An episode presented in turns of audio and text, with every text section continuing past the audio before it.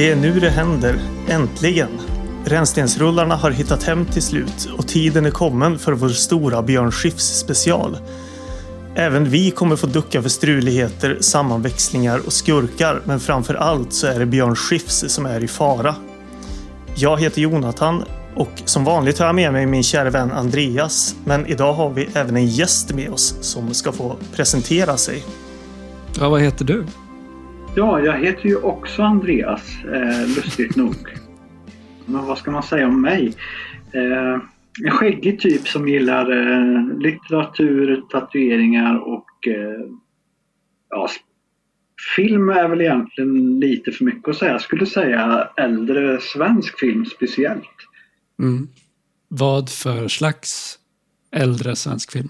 Ja, det är väldigt varierat men jag skulle säga att vi kan röra oss alltifrån från Tor Modén fram till ja, ja men till 95, 96, där slutet av 90-talet så det beror ju på vad man menar med gammal men dels film jag växte upp med under 90-talet men sen eh, framför, framförallt eh, pilsnerfilmer när jag ska mysa riktigt ordentligt. Mm. Som du inte växte upp med då? Som jag absolut inte växte upp med, nej. Eh, eller jag i efterhand får jag säga för att det var väldigt mycket så när jag var liten och min pappa jobbade skift då. Eh, han jobbade i industrin så var det ofta att eh, när han då jobbade så att han var hemma till, till eftermiddagsmatinéerna på, på SVT så satt vi tillsammans och kollade på gammal svartvit film. Just det. Ja, en hel del Åsa-Nisse och Lilla Fridolf. Ja, gud, det där kommer jag ihåg. Ja. Hur mycket sånt som gick på, det går väl fortfarande på tv i och för sig kanske, men jag, jag minns det tydligt att det var att det brukar snurra den där typen av film mitt på mm. ja, daytime tv liksom, eller vad man ska säga. Mm. Ja, verkligen. Det har jag också otroligt starka minnen av. Eh, jag tror att jag har sett en mängd av de där filmerna, fast bara en liten del av dem, eller till hälften och sådär. Känns som ett enda liksom virvar av eh, svartvita gamla svenska filmer. Liksom. Ja, eh, det är så jag brukar säga om modern film, om man ska säga. Jag kan ju typ mm. aldrig namedroppa liksom, moderna skådisar. Jag blandar ihop dem och vet inte vem som är vem. Och sådär. Däremot om någon säger Douglas Håge eller Åke Söderblom och sådana där, då, då är jag med istället. Mm. Vad är det med de här gamla filmerna som du tycker om så mycket? Då? Jag vet faktiskt inte. Dels är det väl att de är så lättsinniga. Eh, men också att jag alltid har fascinerats av äldre tider tror jag. Alltid tyckt om det som har varit äldre än mig själv. Musik, eh, tatueringar som jag nämnde. Då är det också det gamla och historien och, och film och sådär. Alltså, det är någonting med intrycket. Jag brukar säga att jag är fantomnostalgiker för jag är nostalgisk över massa saker där jag aldrig var med. Ja, just det. Sådär. Men sen kan det också kanske hänga ihop med just de här stunderna i barndomen kanske. Att de, det är något mer. Att liksom, det var då jag upptäckte dem och ihop med, med äldre syskon och föräldrar och sådär. Att det är därför de har fått en särskild plats. Men det är inget medvetet så. Ja, just det. Att det finns en, en liksom känsla av trygghet i ja. det också då. Precis, mm. en, en, trygghet och kanske något sorts eh, affektionsvärde på något sätt. Mm. Har du några eh, riktiga sådär favoriter av äldre svensk film? Som du kan säga på raka arm? Ja, då skulle jag nog säga eh, Damen i svart. Eh, som mm. är mer av, av, en thriller då. Eh, som jag faktiskt har sett, men det är väldigt länge sedan. Ja, precis. Och är jag inte helt ute och cyklar nu så är det Arne Mattsson som har stått för regi och så är det ju böcker från början av Folke Mellvig som också skrev manus. Eh, så det skulle vara den då. På den roliga sidan så får det bli Lilla Fridolf. Mm. så hoppar vi fram lite i tiden så är, det, är ju Hasse och Tage givna sådär. Eh, äh, Äppelkriget var nog den första filmen jag såg med Hasse och Tage och som vi hade inspelad för VHS hemma och jag såg om och om igen. Sådär. Mm. Ja, där är jag ju med, med på tåget. Jag är också stor Hasse och Tage eh, fantast. Eh, de filmerna såg jag väldigt mycket när jag var liten. Framför allt eh, Äppelkriget, Släpp fångarna loss. Eh, Picassos äventyr och eh, Att angöra en brygga var väl de jag såg flest gånger. Men jag har ju sett alla de där Ja. gamla Hasse Tage-filmerna. Och även eh, Hasses eh, sologrejer som Jim och Piraterna Blom. Som, du, du och jag pratade om den här Ja. dagen. Men även den enfaldige mördaren såg jag. Av någon anledning tittade jag jätteofta på den enfaldige mördaren när jag var i tioårsåldern. ja, och det blev jag väldigt imponerad över för att det är ju väldigt... Eh, ja, men, En mörk historia, Ja. men att- den hade någonting som, som fascinerade mig och som jag tyckte om. Ja. Tror jag. Jag, jag kan ju säga att eh, jag är ju tyst här av en anledning. För jag är, det här är liksom marker som jag är helt obevandrad i. Det känns ibland som att jag skulle kunna räkna de svenska filmerna jag sett på en hand, mer eller mindre. Eh, jag är helt obevandrad i allt vad det gäller Hasse och Tage och så vidare. Eh, så det, det är ju news för mig väldigt mycket. Just av filmerna vi ska prata om idag så är en av dem en film jag har sett ganska mycket i barndomen. Men, eh, men annars är jag svensk film och jag har vandrat olika vägar genom livet skulle man kunna säga. Ja, nej, men det var som Eh. jag sa innan vi satte igång inspelningen här, att jag har ett väldigt liksom... Eh, jag kan känna mig väldigt historielös när det kommer till just svensk film. Att jag har koll på en del. Eh, men det är så otroligt mycket jag inte har sett. Och sen, jag liksom, när jag stöter på vissa tittare eller vissa skådespelarnamn och läser lite om det, inser att men fan, det här borde jag ha koll på. Det här är ju liksom eh, inom det svenska eh, kulturvärlden skitstort. Eller åtminstone har varit det en gång i tiden. Och då kan jag liksom skämmas lite grann över att jag, att jag inte eh, känner till det. Men alltså, så är det ju. Man kan ju bara veta det man vet. Jo, jo, precis. Ja, men så är det ju. Det, men det, alltså för min del, det är väl, jag har väl sett min, min handfull Bergman-filmer liksom. Mm. Och eh, lite mer, men eh, inte mycket mer än så. Så det, det är som sagt obevandrad mark för mig. Ja, man, jag, eh, man har ju sett klassiker som Besökarna och Det Okända och så vidare. Men men, men Jonathan, nu när det, när det var så här, du, då var det en av de här tre filmerna för dagens podd som du hade sett förut alltså? mm, som jag har konstaterat att det är den enda jag hade sett också.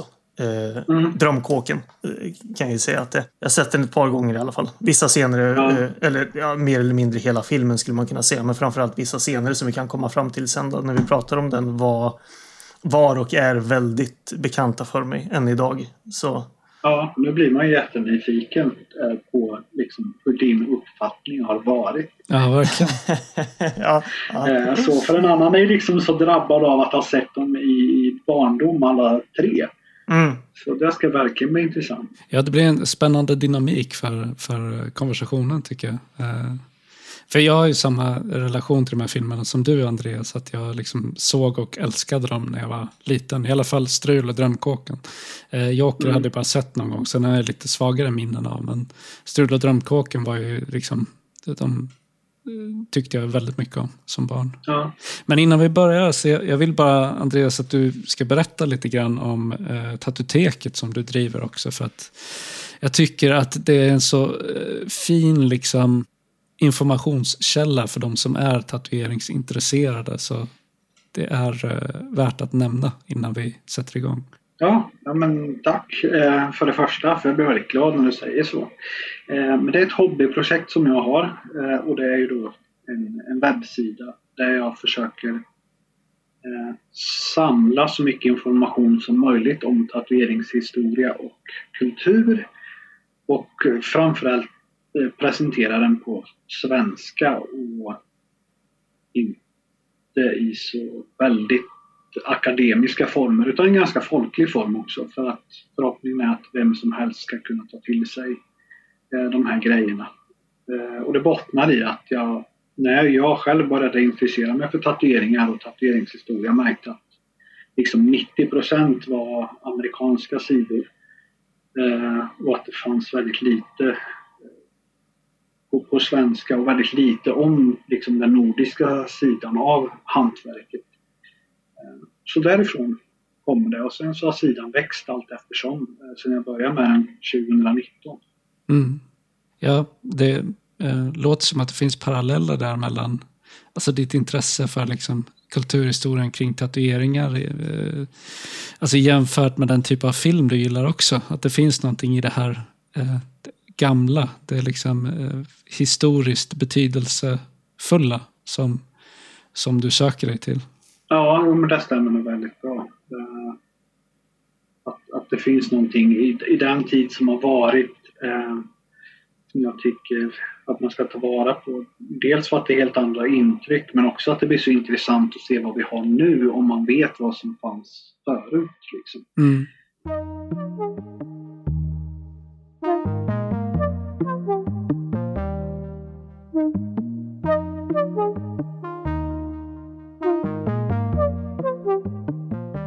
Strul är regisserad av eh, Jonas Frick som inte har gjort eh, så jättemycket. Han hade gjort en tv-film eh, innan som heter G som i gemutredning. Men han var född 1962 så han var väldigt ung när han, när han regisserade Strul. Jag tror att han var i 25, 25-årsåldern under själva liksom, ehm, eh, produktionsarbetet. Då. Mm. Och eh, ledsamt nog så dog han 2001 så han blev bara 39 år gammal. Som jag förstått det så dog han i sviten av en lunginflammation eh, eh när han var i USA. Och han, han regis, men han regisserade ju aldrig någon film efter Strul. Eh, utan eh, gjorde väl istället karriär inom eh, reklambranschen. Så han har varit väldigt stor eh, inom reklamvärlden. Bland, annat så har han gjort de här eh, gamla reklamfilmerna för Karlshamns mejeri, mejerier med bröderna Jeppsson. Om ni kommer ihåg dem från 90-talet. Mm, absolut. In, inte på rak arm, men jag kanske skulle känna igen dem om jag såg dem. Ja, känner du igen repliken gott, gott i gott, gott? Ja, ja. Ja, men det, ja, det låter bekant. Det var Jonas, Jonas Fricks regi. Okej, okay, okej. Okay. Okej, okay, det är han. Det är ju väldigt långt ifrån uh, strul, ja. tänker jag spontant. Verkligen. Jag förstod det som att han hade gjort uh, lite musik. Jag tror att det stod på filmdatabasen att han hade gjort lite musikvideos innan.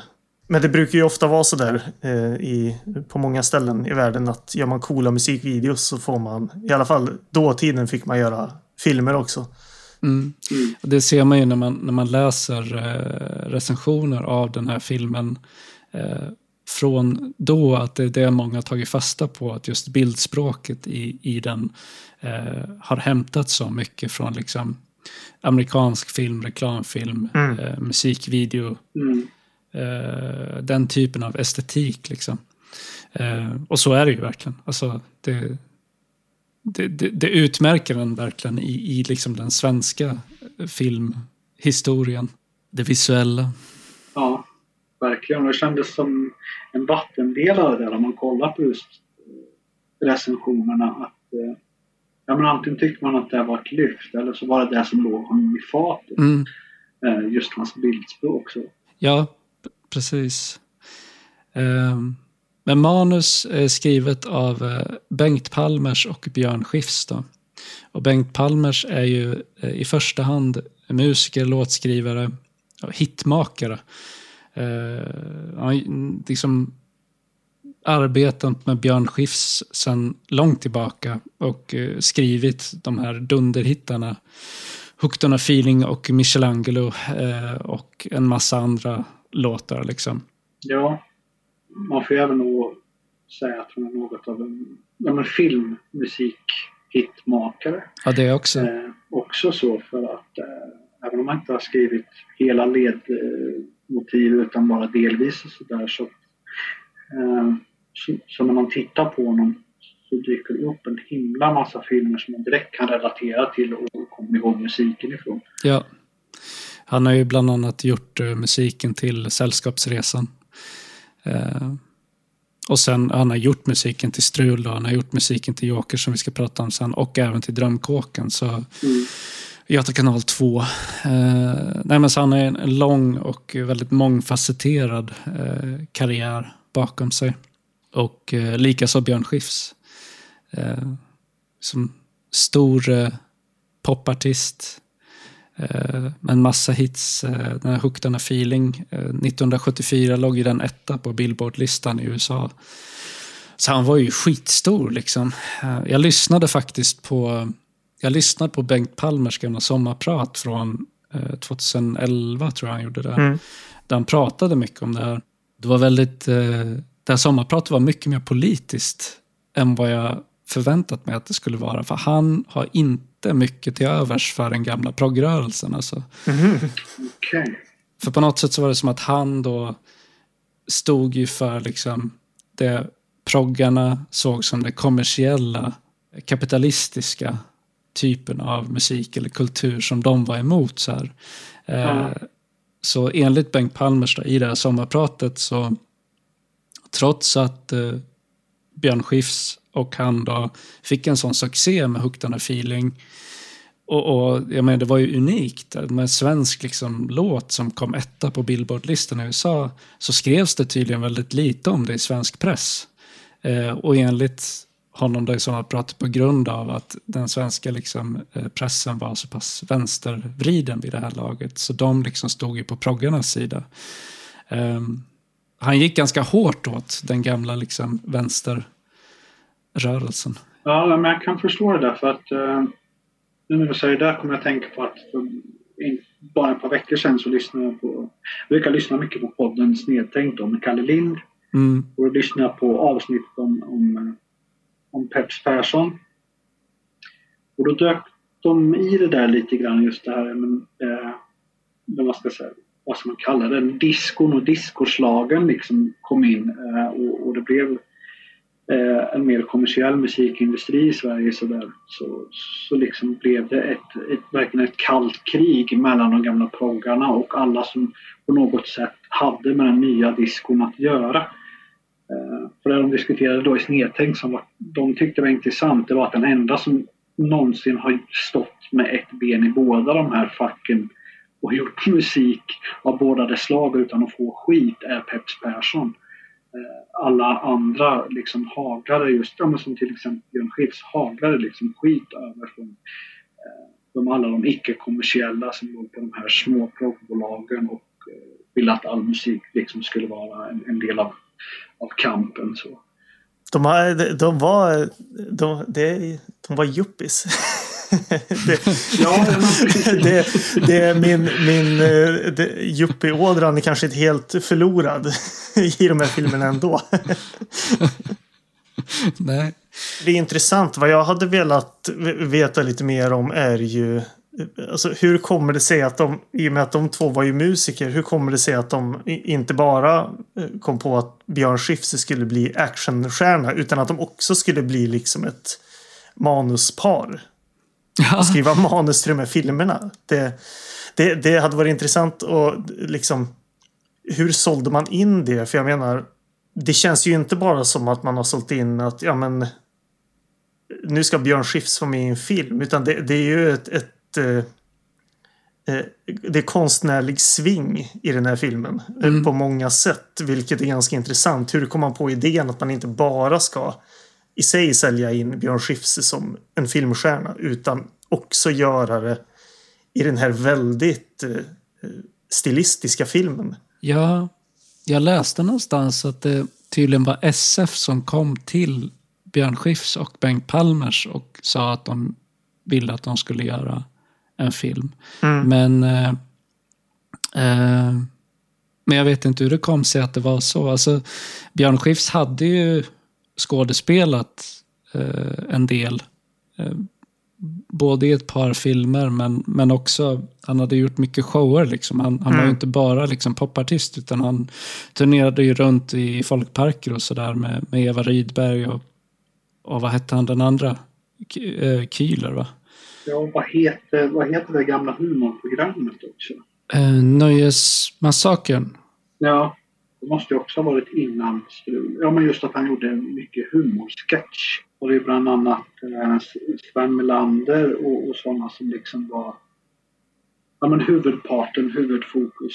Eh, flera andra mycket mer kända komiker. Eh, och så var ju han mer eller mindre som en ja, men en gäst eller en sidekick-figur på något vis. Det var ja, men väldigt så här, missmasch av eh, kända tv-profiler, komiker och artister. Mm. Och alla gjorde lite av allt. allt liksom så. Det är väldigt kul om man just har sett eh, Strul och Joker och, och de här två filmerna som Björn Skifs har gjort. Hur mycket man kan känna igen hur han plockar in ljud och grimaser eh, det. liksom äldre sketcher. Så, så det, det, är en, en kul detalj. Det finns mycket igenkänning. Ja. Så. För han är ju så speciell också i just till exempel hur han gör vissa ljud. Eh, lägger man ju snabbt märke till med Björn Skifs. Han har både speciell röst och mimik. Mm, verkligen. Men jag ska dra några fler skådespelare här i Strul innan vi eh, kommer in på att prata om filmen i sig. Förutom Björn Skifs då, så har vi eh, Gunnel Fred som spelar Eh, polisen som han träffar medan han sitter inne i, i finkan. Eh, fast hon vet ju inte om då att han sitter i finkan såklart. För han, han liksom, kan ju ta sig ut dagtid utan några större svårigheter. men men eh, eh, Gunnel Fred är, hon har ju gjort eh, en massa både film och teater. Eh, och, och det senaste jag såg henne i var eh, Midsommar. Jaha, hon var med där. Ja, det är ju ett helt gäng svenska. Hon spelar en av sekt, sektledarna i Midsommar. Ja, ja, okej. Det var ju en nyhet för jag trodde inte att hon var eh, ja, men direkt liksom så, eh, så här, filmaktuell. Att hon gjorde några direkta filmroller och så länge. Jo, då, hon, hon spelar fortfarande i filmer. Mm. Och jag har väl som barn sett henne i filmer som Åke och hans värld och, och Dårfinkar och Dönickar. Visade sig när jag gjorde efterforskningar inför det här avsnittet att hon tydligen också har gjort ganska mycket röstskådespeleri. Så hon spelar Mrs Potato Head i både Toy Story 2 och 3. Okej. Vad som tusan. Nej, för det är just det jag förknippar henne med. Det du nämnde här nyss. Eh, alla de där filmerna och tv tv-filmerna som man såg då mellan typ 90 och, vad kan det vara, 90 och 95 eller något sånt där. Mm. Hon är ju också eh, med i eh, Drömkåken. eh, Som vi ska Mm. prata om senare i avsnittet. Eh, och eh, i det här gäng, gänget som eh, han går med i, i fängelset så ser vi Gino Samil, eller Samil, som spelar Hjelm. Eh, mannen med de två Musse Pigg-tofsarna på huvudet. Eh, och sen är det Johan Ulveson som spelar PG. Mm. Vad har ni för relation till Johan Ulveson? Han är med i allt som har producerats i Sverige sen, sen urminnes tider, känns det som. Ja, men, han är väl någon av, han är en sån här snäll, hela Sveriges snällkomiker på något sätt. Han har alltid för att man har kunnat se honom väldigt mycket under sin barndom men det har aldrig varit eh, någon liksom Ja, men han är ju aldrig under bältet eller med någonting som är groteskt eller något på något sätt. Utan det är liksom det mest, vad ska man säga, starka han är med i är ju egentligen Yrrol. Annars Mm. för mig är han ju annars, ja, men han är Ville Vessla i, i Ture Sventon. med, Mm. med Helge Skog och sen är han ju med just alla de här tre filmerna med Björn, Björn Skifs. Och, och han är alltid liksom den, en liten snäll man. Mm. Så, eh, hur rolig han än är så, så är han alltid snäll på något vis. Liksom, ganska mjuk och timid. Även som skurk är han ju väldigt komisk och mesig. Ja. på, fast på olika sätt. Han är ju alltid lite bortkommen. Eh, Ja. Det känns som att han ständigt svävar iväg i tanken och liksom är ja. någon helt annanstans. Jag vill bara nämna också att Johan Ulveson har ju varit liksom väldigt så här, eh, betydelsefull för mig eh, i min barndom, framför allt i Bert-serien och Bert-filmen, Bert den sista oskulden. Mm. Som jag är så här, ja, jag tycker det är bland det bästa som har gjorts i svensk tv. Heter han Fredrik då med? Eller vad heter pappa Ja, Jimmy han heter för- Fredrik. Fredrik Ja, Ljung. ja. Eh, och sen har vi de andra deltagarna i det här gänget. Då, Magnus Nilsson som spelar Gränges. Mannen som pratar väldigt eh, bred östgötska. Eh, och han har ju varit med i både Nyfiken blå och Nyfiken gul. Och eh, Okej.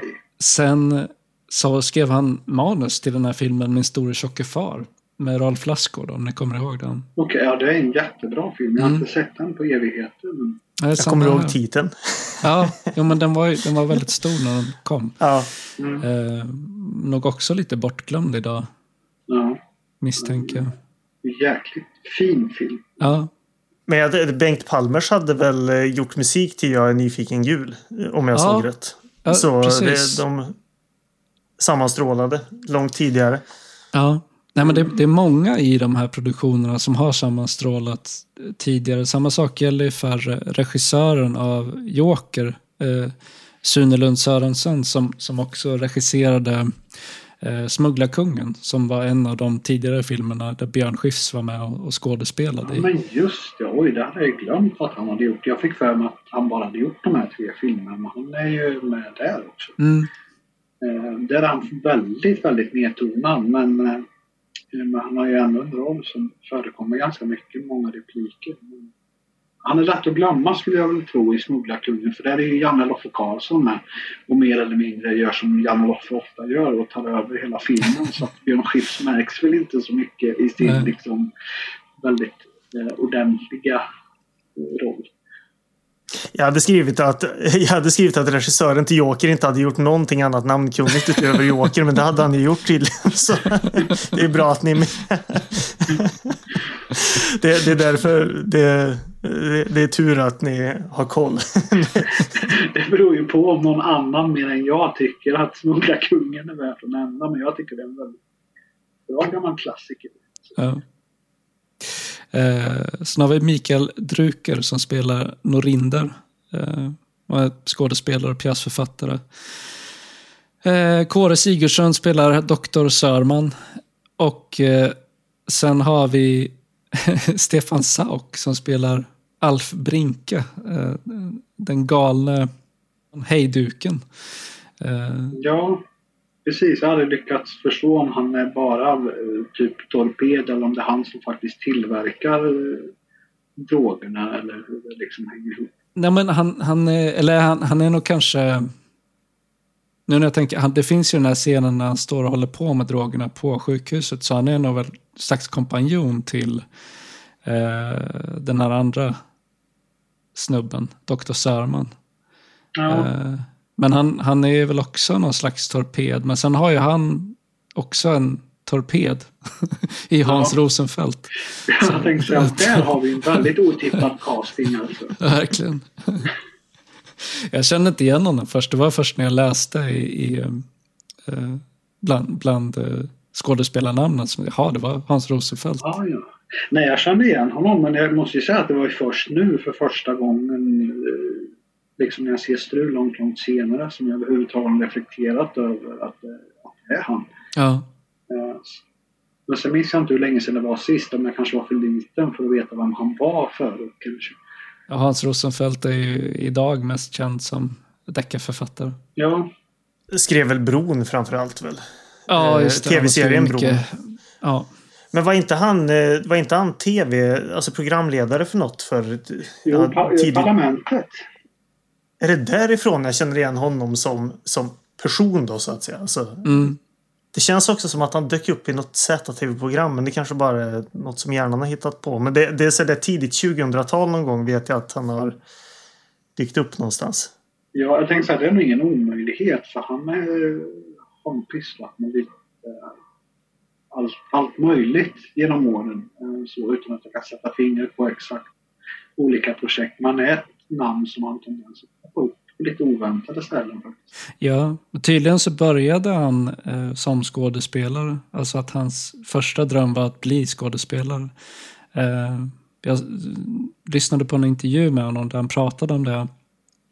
Alltså han skådespelade liksom på teaterscen och sådär under några år och eh, eh det var ganska ledsamt liksom för att han beskrev det själv som att det med tiden gick upp för honom att han inte var tillräckligt bra på det.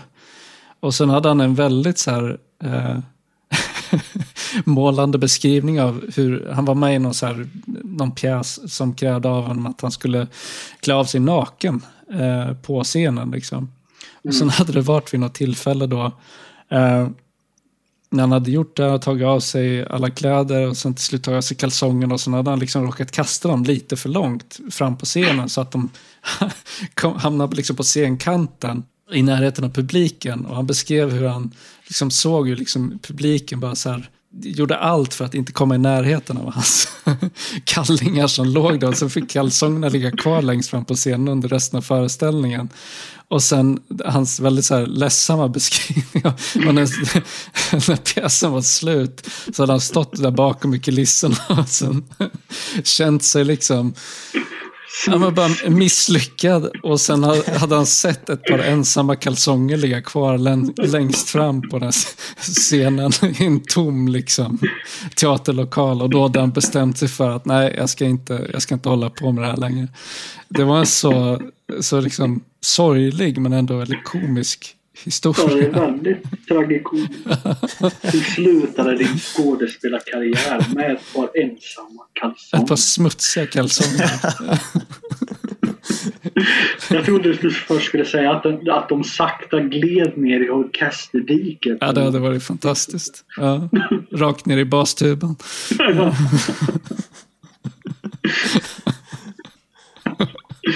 Det, det gick ju tur nog ganska bra för Hans Rosenfeldt senare ja. i karriären. Så man behöver inte känna sig dyster över hans öde. Ja. Nej. Men jag hade faktiskt samma, eh, samma upplevelse av att Stefan Sauk, att jag kände inte igen honom först. Och det är väl förmodligen för att han har hår i den här filmen och ja. är 20 kilo lättare. Men eh, han, jag satt och tänkte på det under, under filmens gång. Alltså, jag undrar vad det blev av den här skådisen. Uh, så här, intensitet som jag tyckte om och så kände jag mig otroligt korkad när jag insåg att det var Stefan ja. jag, jag hade nog reagerat på samma sätt men jag såg ju, vi pratade om den tidigare någon gång. Uh, jag såg ju den uh, fantastiskt bra filmen I lagens namn som kom två år innan den här. Då. Ja, just det. Så jag, jag hade där liksom, eh, vad ska man säga, blivit så förberedd på hur Stefan Sauk som ung med hår såg ut. Så, ja. så eh, jag kände igen honom av den anledningen här. Det är milstenarna i karriären där liksom. Stefan med och utan. Ja, ja precis. eh, och sen har vi Allan Svensson i en liten roll och Torsten Flink i en ännu mindre roll. Ja, men vilka roller spelar Allan Svensson och Torsten Flink? För det var inget jag tänkte på. Allan Svensson är ju hans eh, försvarsadvokat. Mm. Och, och Torsten Flink är den här pliten som, som bland annat ger eh, Björn Skifs karaktär avslag. Eh, lite retsamt, står och viftar med ett kuvert i, i det här tvättrummet. Och säger avslag, avslag står det här. Ja, det tänkte jag inte ens på. jag, kommer, jag kommer så väl ihåg den scenen. Mm. Men jag, jag, tänkte inte på att det var han. han är, det är lätt att missa att det är Torsten Flink faktiskt. Mm. Ja, för han är också väldigt mycket tunnare och liksom hel och ren, korthårig och, och kan dessutom artikulera ordentligt. Så att det är så Vaken blick. Ja, precis. Ja, det är så olikt den Torsten vi är vana vid. Det var ju liksom... Fan, den är kul den scenen. Just det. Ja. ser du vad det står här? Avslag. alltså, jävla taskig. Jag svarade på din ansökan Det blev ingenting med det du. Nej, just det. Det är så han säger. Precis. Så jävla, så jävla småaktig liksom. ja, och så viftar lite retsamt med det kuvertet och pek. Som, det, som om det är ett dagisbarn. ja. Jo, det har ju också föregåtts av en liksom lång sekvens där han går runt och letar efter honom i hela jävla fängelset. Han säger finkamma var ett skrymslovrå för att få komma med de här tråkiga budet. och för att vara en plit leta väldigt konstigt. För även då är det ju som att ett barn han leker kurragömma med. Ja. Han växlar liksom mellan att ropa högt till och säga Lundqvist. Så det är väldigt skum scen. ja, ja, verkligen. Men vi kanske ska gå in och påläsa synopsis nu då. Mm. Ja. Conny är en vanlig hederlig svensk. En fridsam kemilärare som helt oskyldig kastas i fängelse. I fängelset lär han känna några hårda typer med stor kriminell erfarenhet. De kan ta sig ut och in via en hemlig tunnel och använder fängelset som bas för nya skumma affärer. Conny tvingas hjälpa till med verksamheten. Samtidigt försöker han desperat hitta bevis för att han är oskyldig. Som om inte detta räckte blir han kär i en tjej. Som förstås inte vet att han egentligen sitter i fängelse. Han har det lite struligt, Conny. Och eh, vad tyckte kritikerna då? Vi har en, en eh, ruta här på omslaget där eh, vi har några korta repliker från, från olika eh, svenska tidningar. Och GT skriver en gnistrande raket, inte en död sekund.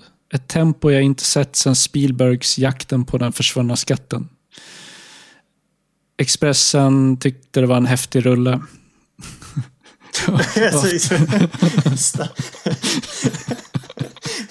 Vilka var det som hade skrivit den första?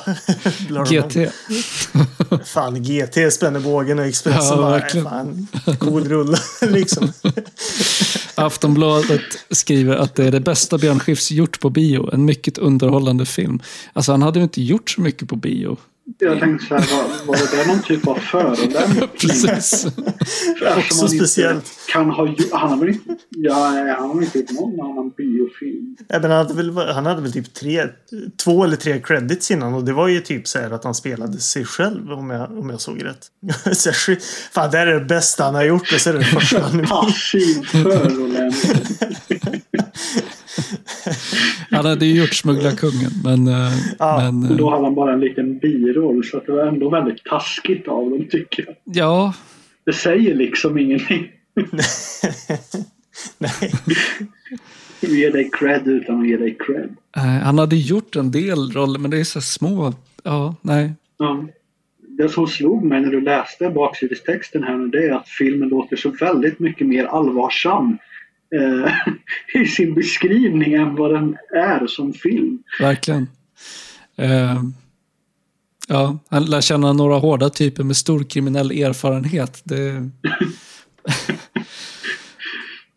några kriminella klåpare med, med väldigt blandad erfarenhet. Men, eh, just det, Jonathan. Det är dags ja, vi för, måste uh, gå till de riktiga ja, kritikerna här. Vi måste kolla vad filmoraklet säger. I Bonniers, vad heter boken? Bon, Bonniers film och videoguide? Nej, vad heter den? Film och videoguide tror jag att det är. Just det. Ja. Eh, de eh, skriver så här då. Eh, det är väldigt, väldigt kort recension. Opretentiös komediunderhållning, manus av Bengt Palmers och Björn Skifs om kemilärare som blir oskyldigt inburad för knarktillverkning. Han kommer de verkliga skurkarna på spåren och får en söt kvinnlig polis, Gunnelfred, på köpet. Högt tempo. Två och en halv stjärna. Ja. Ja, det var ganska intetsägande. Ja, precis. Det är, äh, men han får en söt kvinnlig polis på köpet också.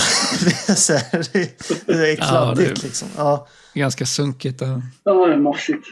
Två och en halv stjärna av fem i alla fall. Eh, det, ja. Får se om vi håller med.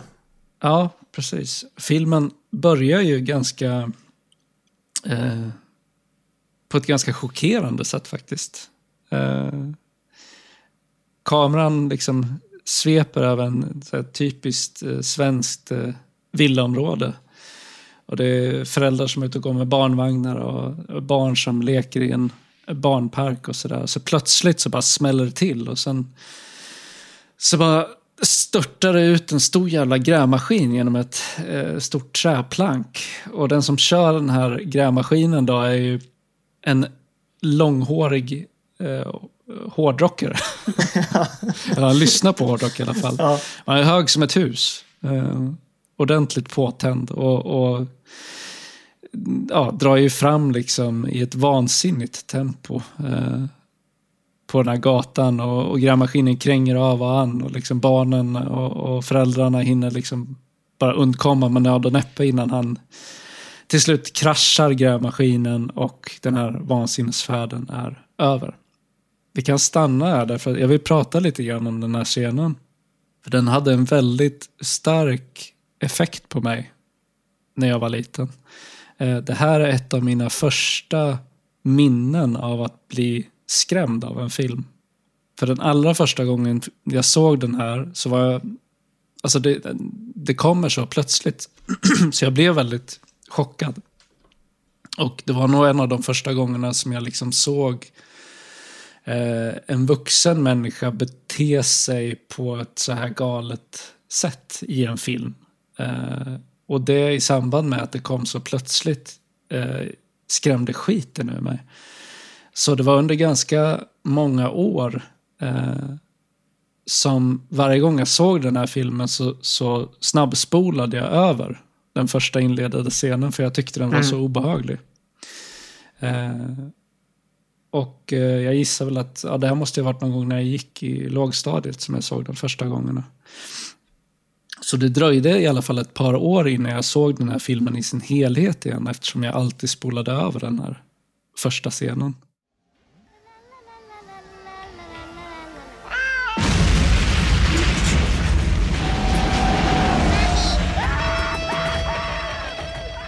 Jag kan känna igen det. Uh, att det var en av de saker jag kommer ihåg mest från Strul som barn.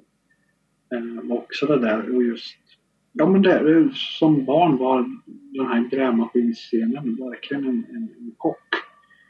Uh, och det är någonting jag idag skulle vilja uppleva för första gången i biosalongen. För det är just det där kameran sveper liksom jämnt och fint över det här villakvarteret som du säger och det är bara bakgrundsljud. Och sen går både ljud och, och bild från 0 till 100 liksom direkt. Han bara genom planket och så är det liksom oväsen och sen den här liksom metalmusiken som han har i en bergsprängare mm. där i grävmaskinen som liksom bara köttar ut för full hals medan han sitter och hysteriskt skrattskriker liksom.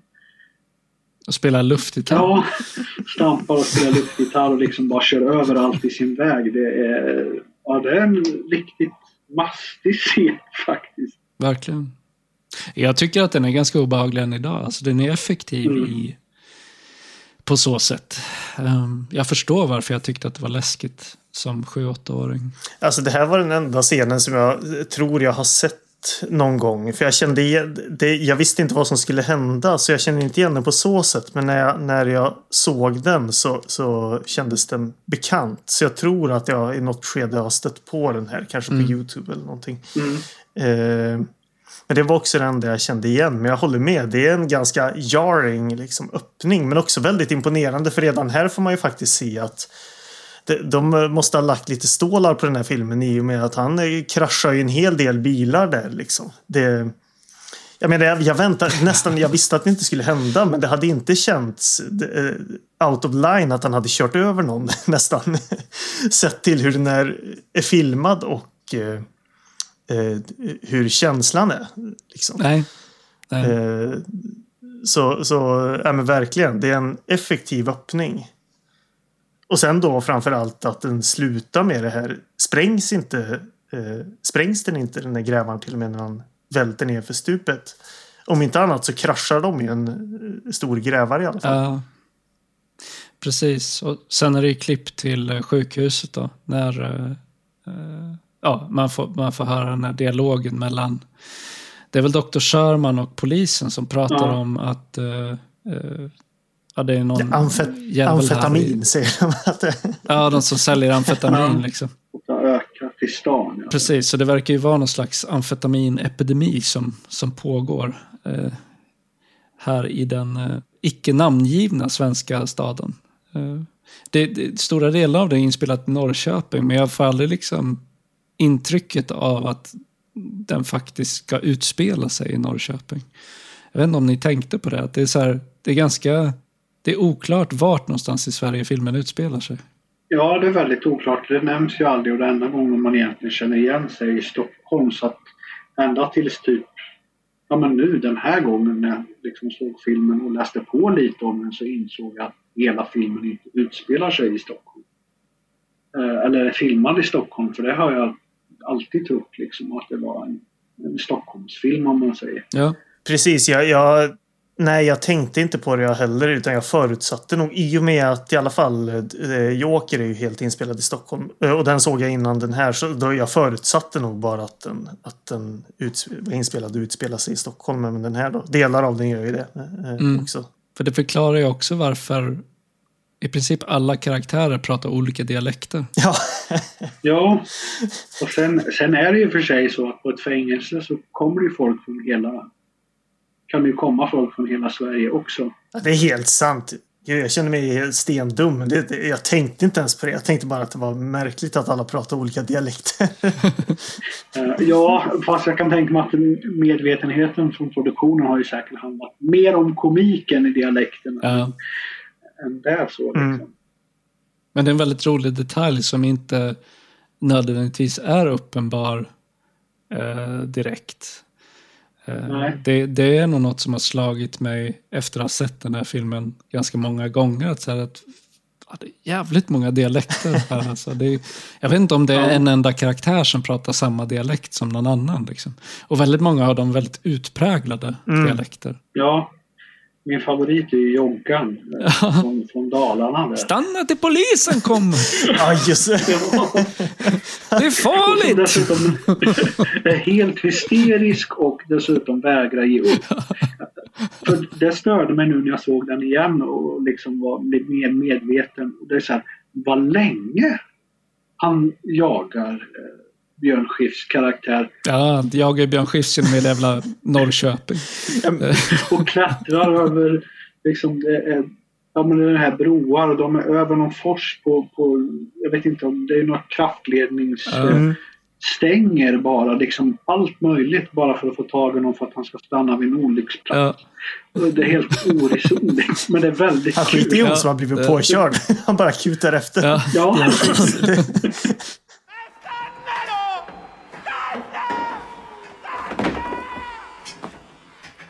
Det som händer är ju då att eh, eh, Conny, som Björn Skifs karaktär heter, han arbetar alltså som kemilärare på någon så här, eh, ja, någon kommunal skola.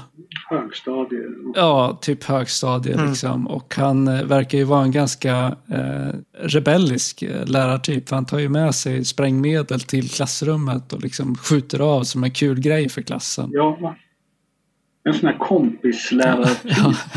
Ja, men det är lite kul också för det, det är väl under för, eh, förtexterna till filmen så får man ju se Man får väl se att han står och, och fibblar och blandar grejer liksom. Eh, Man visar väl till och med upp en påse med vitt pulver i och sen när han kommer till klassrummet så säger någon i klassen där att Men Conny, vad, har du med dig grejerna? Det är fest! liksom.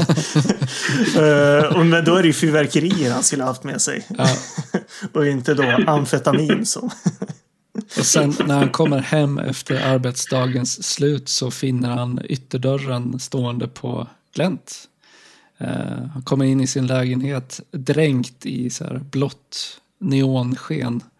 Och eh, blir genast uh, övermannad av en uh, insatsstyrka.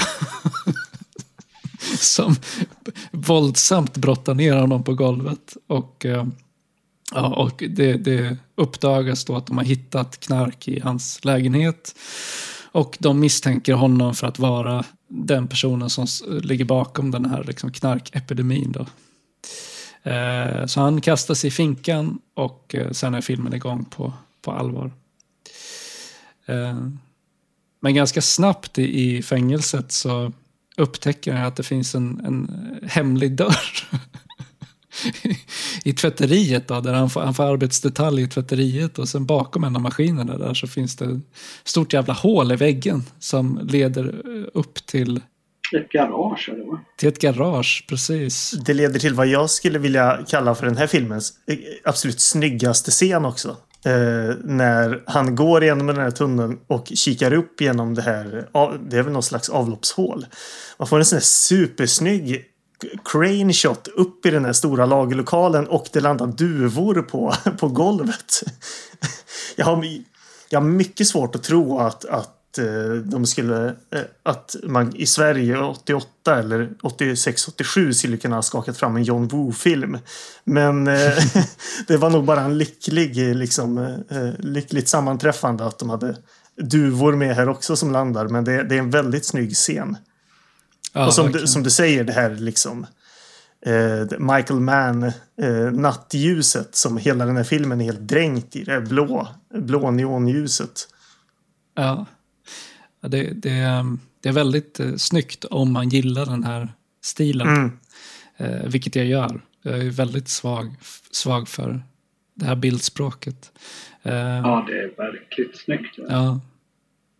Sen att han revolutionerade så var just med, med, med klippning och som du säger crane shot och det där liksom.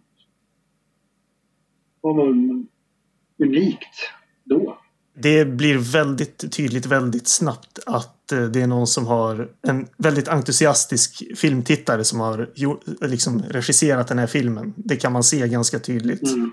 Man hade så gärna velat se Jonas Frick göra fler svenska filmer. Mm. Han är så speciell liksom i bland svenska regissörer just att du har hela den här liksom, ja, men väldigt amerikanska filmspråket. Eh, mm. Ja, men uppenbart väldigt influerad av liksom, musik, eh, videoskapande och så vidare. Ja, det var väl i kommentarerna på Svensk Filmdatabas som det stod det där om att han hyrde in de här kam kamerorna från, från USA, va, från Hollywood. Mm. Eh, bara för att kunna göra just de här scenerna. Eh, så mm. väldigt ambitiöst för att mm. få sin vilja fram. Liksom. Det, det tyckte jag var en av de bästa detaljerna kring eh, studion faktiskt. Det var en, en kamera hette Loma eller Loma, jag vet inte hur det uttalas, men det är tydligen en fjärrstyrd kamera eh, med någon slags specialanordning. Det kostade 300 000 kronor eh, per sex veckor för att eh, ha den här kameran då, inklusive dess operatör. Undrar om det var, eh, var, är beräknat på 1988 års Ja, det antar jag. Nej, det, det framgår ju inte. Men gud, det måste ha varit jättemycket pengar. Ja, ja. ja. Man skulle vilja veta mer om varför hade Jonas Frick en sån här pull liksom? Och kunna mm. bara Alltså vart, varför gav man han massa stålar liksom för att göra den här filmen? För jag, jag, jag vet inte att det är klart, man kanske tänkte helt då att eh, att eh, man la, all, vad ska man säga, la alla äggen i Bengt Palmers och Björn Skifs korgen. Liksom man tänker mm. att de, det kommer flyga. Men ändå att man inte ville eh, att man satsar på ett så osäkert kort är ju speciellt ändå. Men alltså med tanke på hur eh, liksom skicklig han är och hur skicklig regi det är i den här filmen så tänker jag att han förmodligen, han måste ju ha varit välkänd i liksom den svenska filmvärlden även om han ja. kanske inte var ett liksom bekant namn för gemene svensk. Mm. Uh, Nej, men det är väl å andra sidan en långfilmsdebut det här. Ja. Vad jag fattat.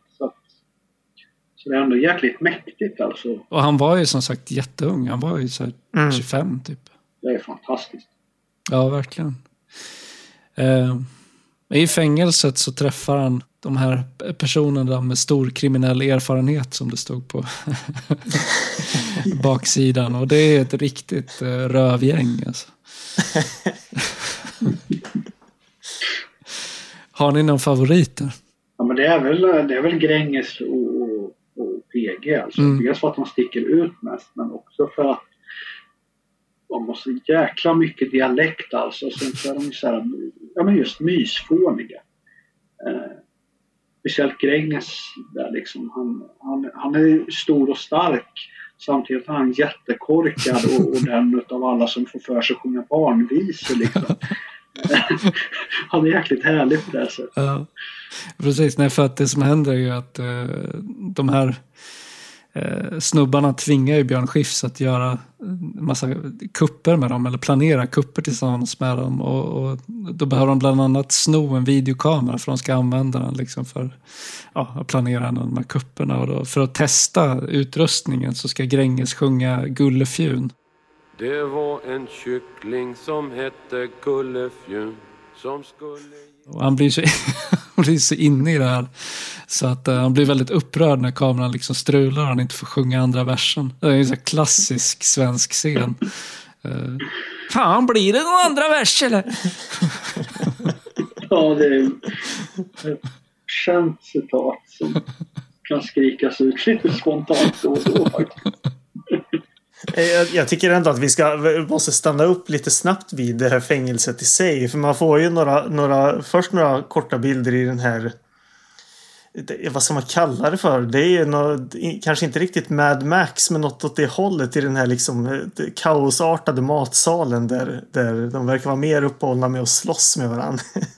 Ja. än att äta och de har liksom tryckt upp någon mot, på ett bord och sådär. ja, det finns, och det finns inga synliga plitar eller vakter nej, nej, som nej. från nej, någonting. Nej. Alltså. Det...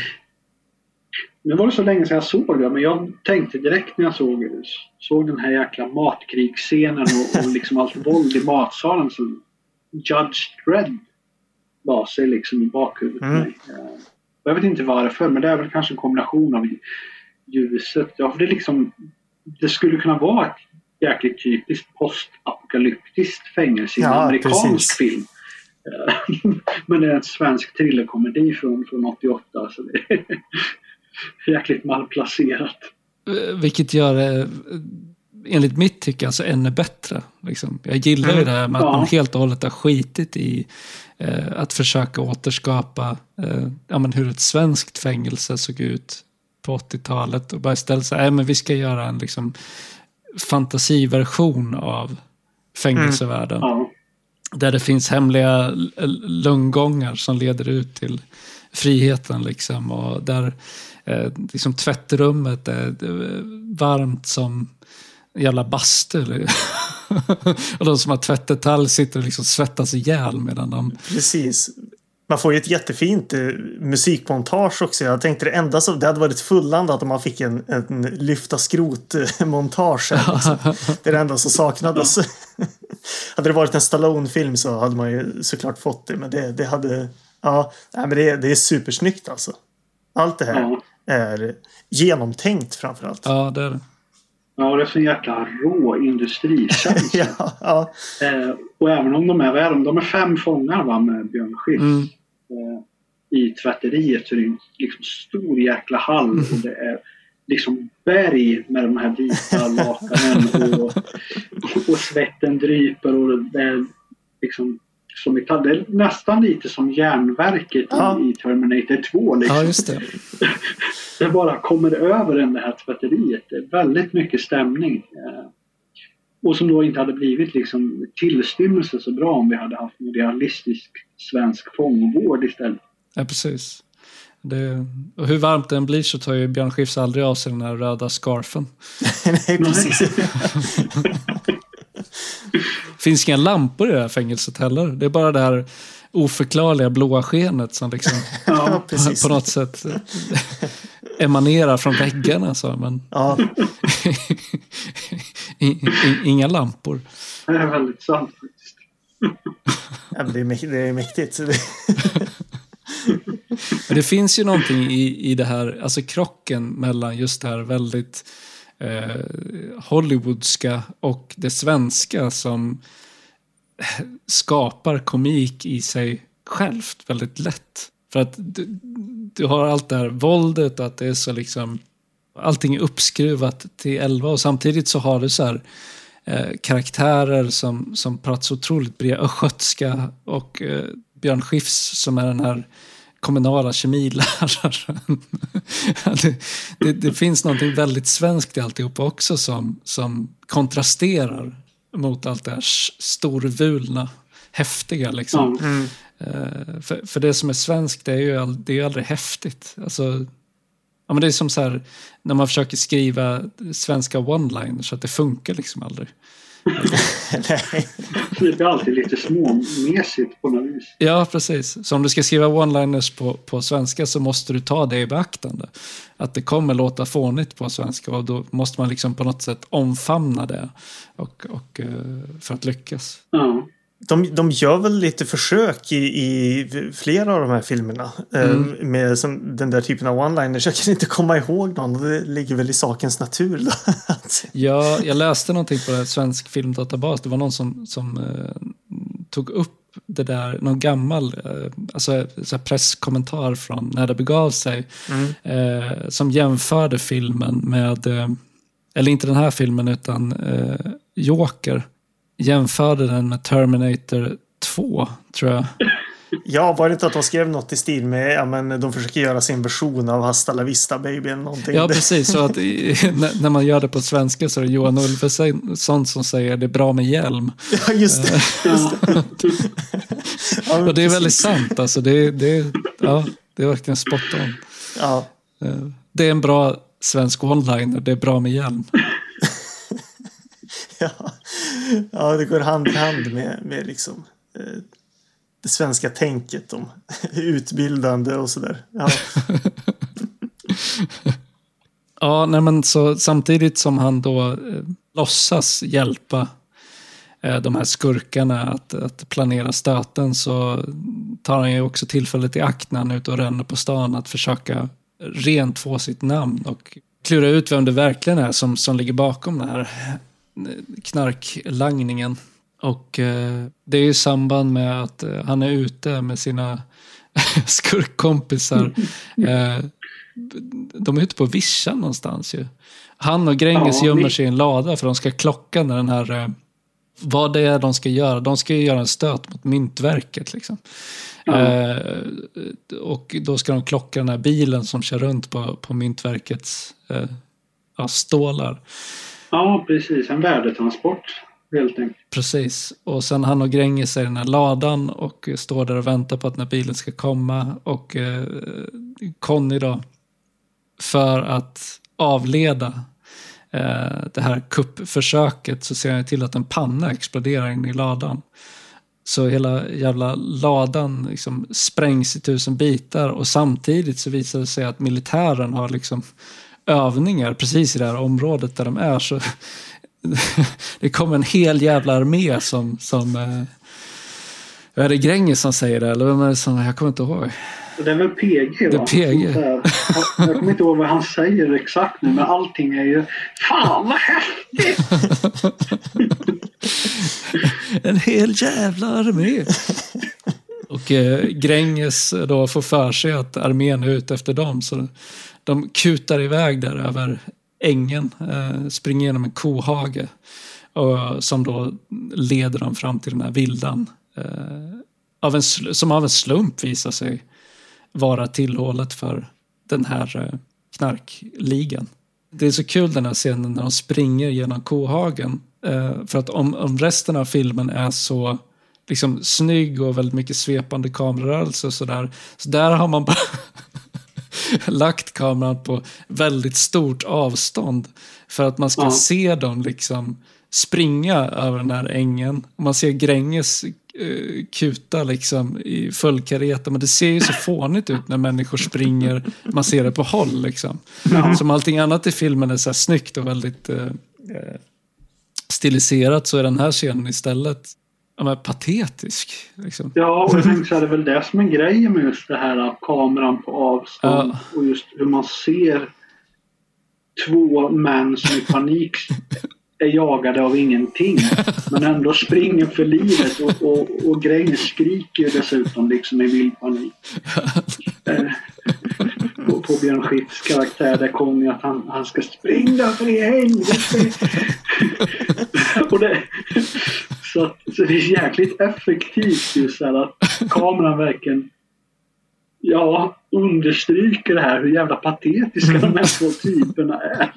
Ja, det finns ju en del eh, sån underfundighet i filmen också. Eh, som eh, skämt som är skämt först när man är uppmärksam på vad som faktiskt händer i scenerna. Som när, när PG och Conny är ute på första rundan och liksom PG berättar för Conny om det här myntverksplanerna och han berättar att de bränner så jävla mycket pengar där och han är så upprörd över att de borde ge de här miljonerna till honom istället för att bara elda upp dem liksom. Och hela den scenen utspelar sig i en lekpark där han går från eh, liksom gungorna till rutschbanan till...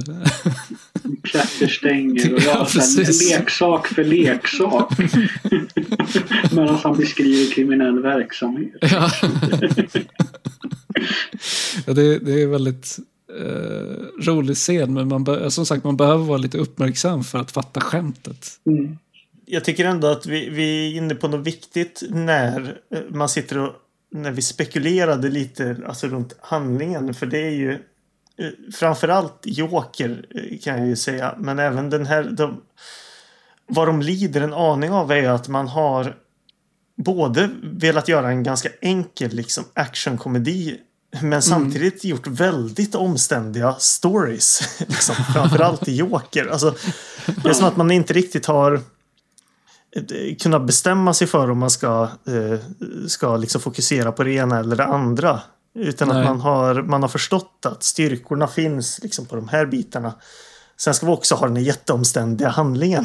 Med, som inte alltid är helt lätt att hänga med i kan jag tycka. Men det, för att vara liksom så, så lätt tittade filmer på ytan så krävde det att man var, skulle vara rätt fokuserad för att hänga Ja, med. tvära kast hela Ja. tiden. Framförallt i Eh, Joker eh, kan jag tycka. Men, men, eh, men även lite i den här. Ja, men precis. Mycket detaljer och samtidigt går det väldigt fort på något sätt. Liksom. Ja, det är ju tempot framförallt som gör det. Att, Ja. att eh, liksom, eh, sänker man blicken för att anteckna en liten stund så, så har man missat liksom. Ja. Ja, för det, du har ju också den här kärlekshistorien med, med Mm. Gunnel Freds karaktär Susanne då, eh, som också blir en, ja, men en liten sidohistoria som jag i och för sig tycker är ganska fin i all sin enkelhet. Hon och Björn Ja. Skifs har ju fin kemi med varandra. Jag tycker det är kul när han kommer hem till henne första gången och frågar sig ja, vad tycker du om den där tavlan då? Ja, men den är eh, färdig. så börjar jag använda den eh, linen. Liksom. så, alltså, den ser ju ganska färdig ut. liksom. det, det, det flyger inte så bra för henne dock, men eh, ja. Nej, Nej. det gör ju inte det.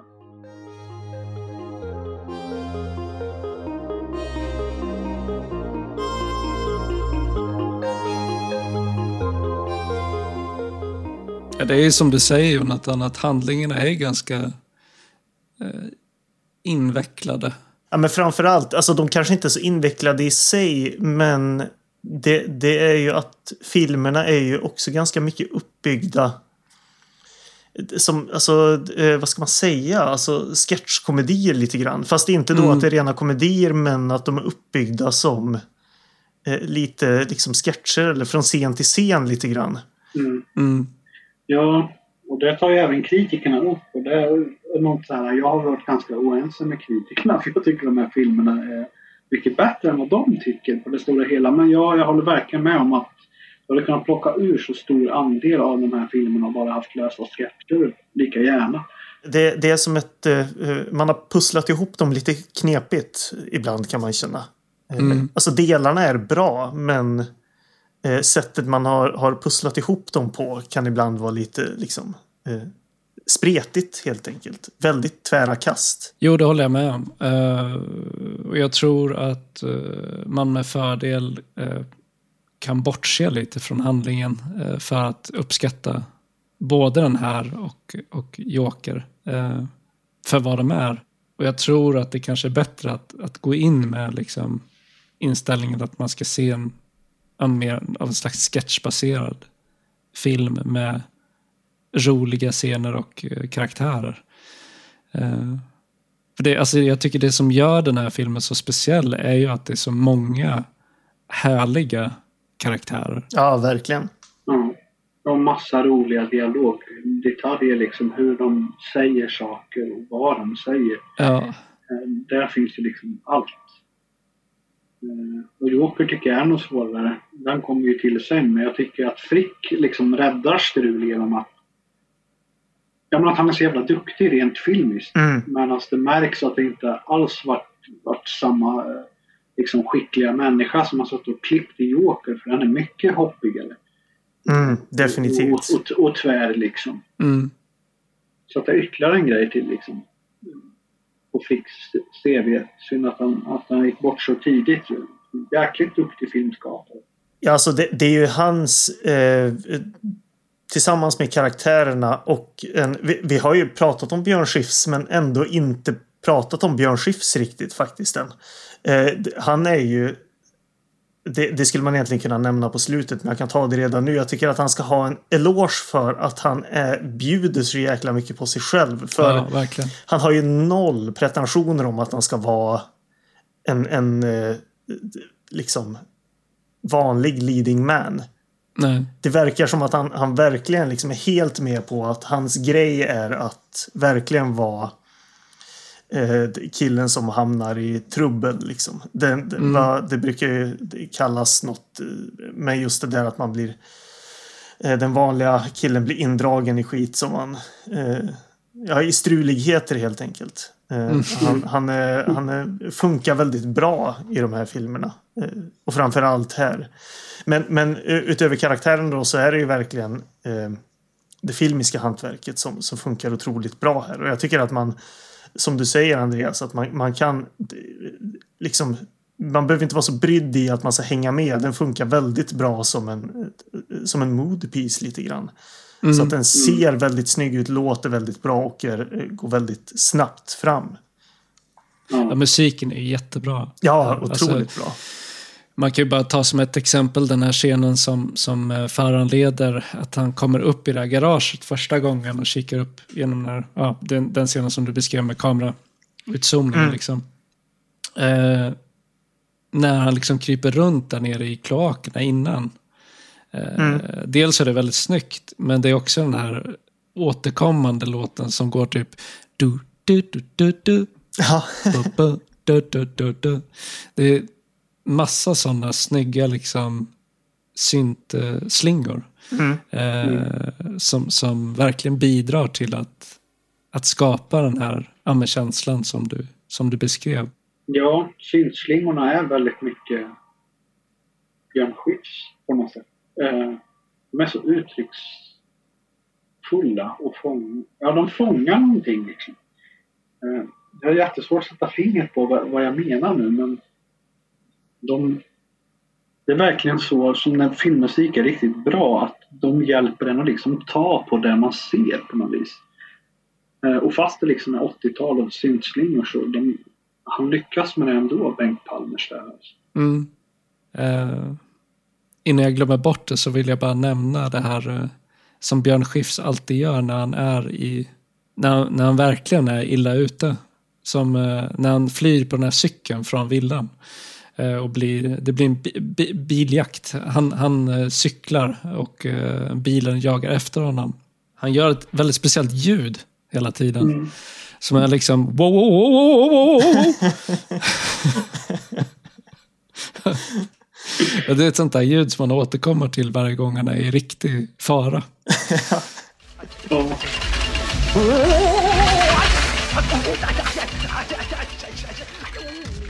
han jobbar ju väldigt mycket med det är de här minerna han gör. Ja. Liksom. Det, men det är, det är fysisk komik är han till och från eh, i alla fall eh, rätt bra på. Han, han mm. har en, en framtoning som är väldigt härlig. När det inte går överstyr som det, som det i vissa fall gör. Eh, ja. när, när, han verkligen eh, lutar sig mot sina skiff, mannerisms, hans skifsismer eller vad man ska säga. ja, det finns ju de här scenerna då han dels ska spela mentalsjuk eh, Ja, fast på olika sätt. Dels den galna kirurgen eh, och dels den galna patienten. Mm. Han sätter ju på sig någon sån här eh, jag vet inte vad det är för något. Det är någon slags tratt. Ja, du menar den han har för näsan där ja. Ja, precis. Ja, bara går runt och låter Sniffa och ut som en liten, en liten konstig myrslok. Som, liksom, och bara, bara är, bara gör. Ja. Det där sjukhuset är också eh, otroligt orealistiskt skildrat. Mm när han ligger på den här britsen och det är liksom blinkande lampor på undersidan. Det ser nästan ut som att han befinner sig liksom i framtiden. Ja, men som att det är något som skulle vara med i Alien eller någonting. Ja, precis. Jag tänkte säga det. Det ser ut som att man har blandat liksom Peter Haber, Martin Beck-kontoren som är jättemörka och skumma. Mm. Men någonting ur, ur science fiction liksom. Och så återigen det blåa ljuset. Ja, Ja. precis. Eh, Så att, eh, och utan att vi egentligen ser några uppenbara eh, ljuskällor även på sjukhuset. Mm. I alla fall inte på salarna utan det är, bara, det är lite blått Ja. och, och konstigt liksom. Ja. En annan scen som jag minns att jag tyckte var obehaglig som, som liten var ju dels den här eh, bilcross-scenen när Mm. Gunnel Fred blir lurad Mm. ut i bilcrossen och, och Hans Rosenfeldt eh, sitter där uppe i kranen och liksom plockar upp bilen och krossar den. Hon lyckas ta sig ur den i sista sekund. Men sen också den här eh, efterföljande scenen där han liksom följer efter henne hem till hennes lägenhet när hon har fått det här videobandet från Conny som, eh, ja, som avslöjar vilka de verkliga knarklangarna är. Och eh, Hans Rosenfeldts karaktär, Glenn heter han. Kul att han heter Glenn. Torpeden Glenn. Eh, när han attackerar henne. Alltså det, det är en otroligt välregisserad actionscen. Eh, när de liksom tumlar ner för den här eh, eh, cirkeltrappan. Det drar ju för övrigt Hans Rosenfeldt en väldig fördel av att han ser så jävla vänlig ut Ja. hela tiden. Ja, För det gör honom ännu hemskare. När han är den här prydliga, ganska gulliga killen. Har en väldigt snäll Som- röst också. Ja, som helt plötsligt liksom på bärsärkagång och försöker ha ihjäl henne där i trappuppgången. Ja. Nej, så det, det är en, en bra actionscen. Mm. Mm. Det känns, det, det har en tyngd liksom i sig som eh, är väldigt välregisserad. Ja, och som är ganska ovanligt i svensk Ja. man väl säga. Ja, Liksom att man känner den där tyngden. Det sista vi kan säga är att den slutar ju med det här otroliga ledmotivet. Eh, Mm. Akta dig. Tommy om- Nilsson. Nej, Nej, jag förlåt. tänker på Ja, förlåt. Tommy Ja. Nilsson är ju, är ju the love theme. Ja, ja. Maybe we're about to fall in love. Ja, akta dig. Ja. Ja, det, som jag det, gjorde lite blinkningar till i påan. Så om man tyckte att den lät märklig så kan man lyssna på Akta dig sen så kommer man förstå vart jag har plockat lines. ja, det missade jag faktiskt. Då måste jag gå tillbaka och lyssna på den. Men den är ju skitbra. Ja, jag gillar den här Tommy Nilsson-låten också, all sin eh, svulstighet. Detta typiskt 80-talsfilm, tänker jag. Ja, ja, nej, men det, precis. Eh, Bengt Palmer som har skrivit båda de låtarna också. Nej, men mer att säga om Strul. Det är väl just att understryka det här med att mm, det är en skön film. Men som Ja. inte ska ses för att man ska tro att man ska få en unik story utan för att man ska hitta en massa guldkorn här och var. eh, Och just få se någonting unikt. Ett unikt bildspråk för att vara svensk film. Mm. Ja, ja men den är strösslad med så otroligt många eh, roliga och intressanta detaljer så det känns som det är svårt att riktigt göra den rättvisa när man sitter och pratar om den eh, så här. Mm. Jag, jag tycker att den här filmen är skitbra. Ja. Och man behöver liksom man behöver se de där roliga sekvenserna för att verkligen få ut något av dem. Svårt att för, förklara dem. Mm. Du då, Jonathan, som inte redan var strulfrälst, vad, vad, vad är din dom? Nej, men jag håller helt med. Jag tycker att det, det... Från att under nästan hela livet ha varit eh, helt ovetande om nästan någon svensk film överhuvudtaget så har det varit väldigt kul att på ganska kort tid se två svenska filmer som är så otroligt aparta i sitt bildspråk. Då först i lagens namn som just bildmässigt faktiskt har ganska mycket gemensamt med den här filmen. Hur de är filmade. Och sen nu också Strul då. Det är väldigt kul att se. Det fanns filmskapare som, som verkligen ville göra mer än, än att eh, bara göra det vanliga på den svenska filmmarknaden. Det, är väldigt roligt att se. Ja, det, det är väldigt lite diskbänksrealism över Mm. den här filmen. Nej, så jag, jag stämmer in i hyllningskören. Väldigt kul. Ja.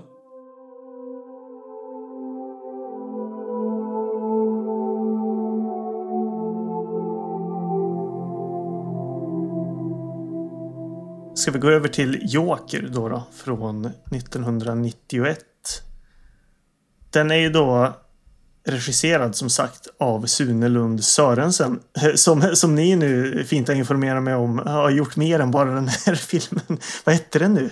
Den där andra han hade regisserat. Smug Smugglarkungen. Smugglarkungen, ja precis.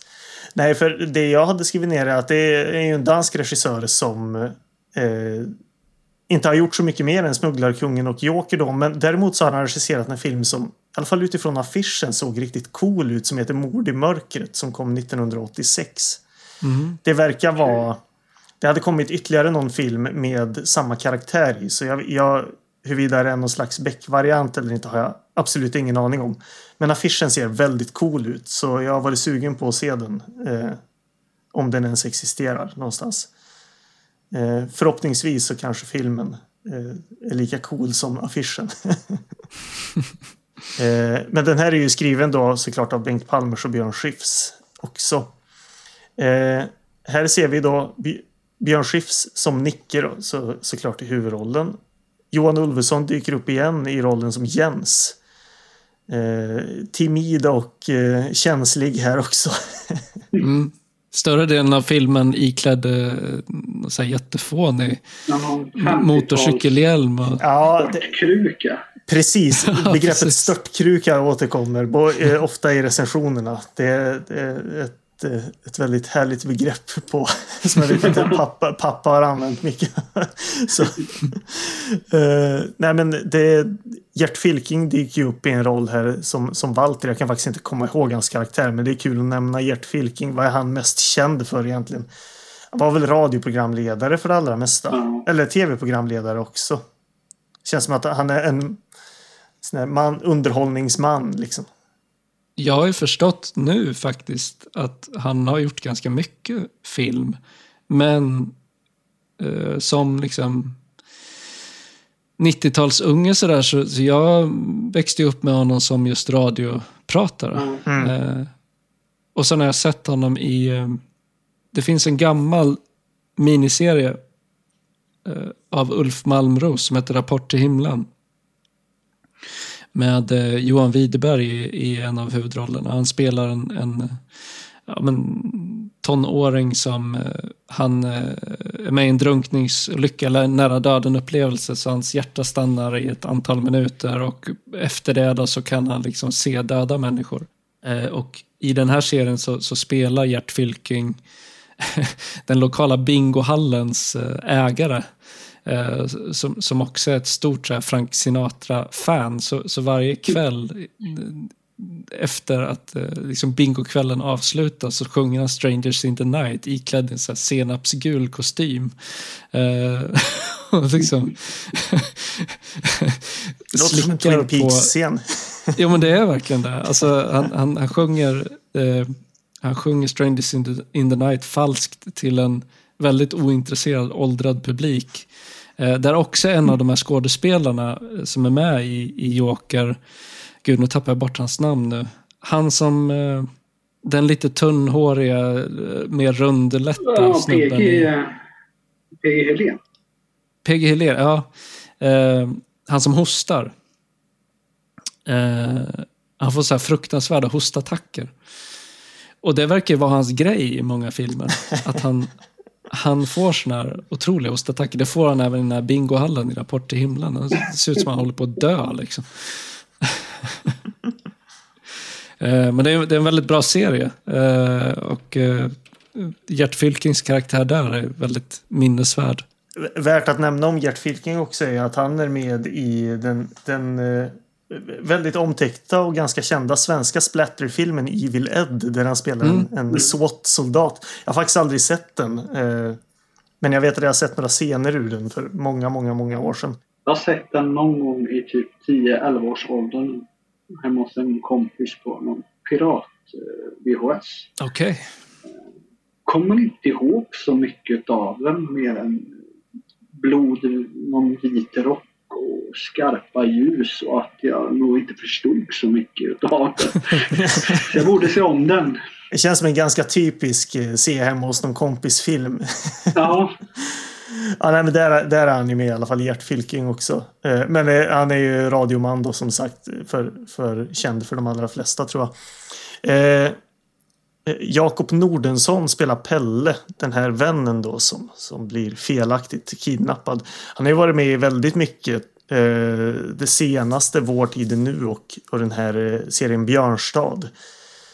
Det handlar väl om något hockeylag eller något om jag har förstått det rätt. Skriven av den här... Eh, Backman. Ja, Back, just det, precis. Eh, och, sen Aja Rådas Evren som Gunnel.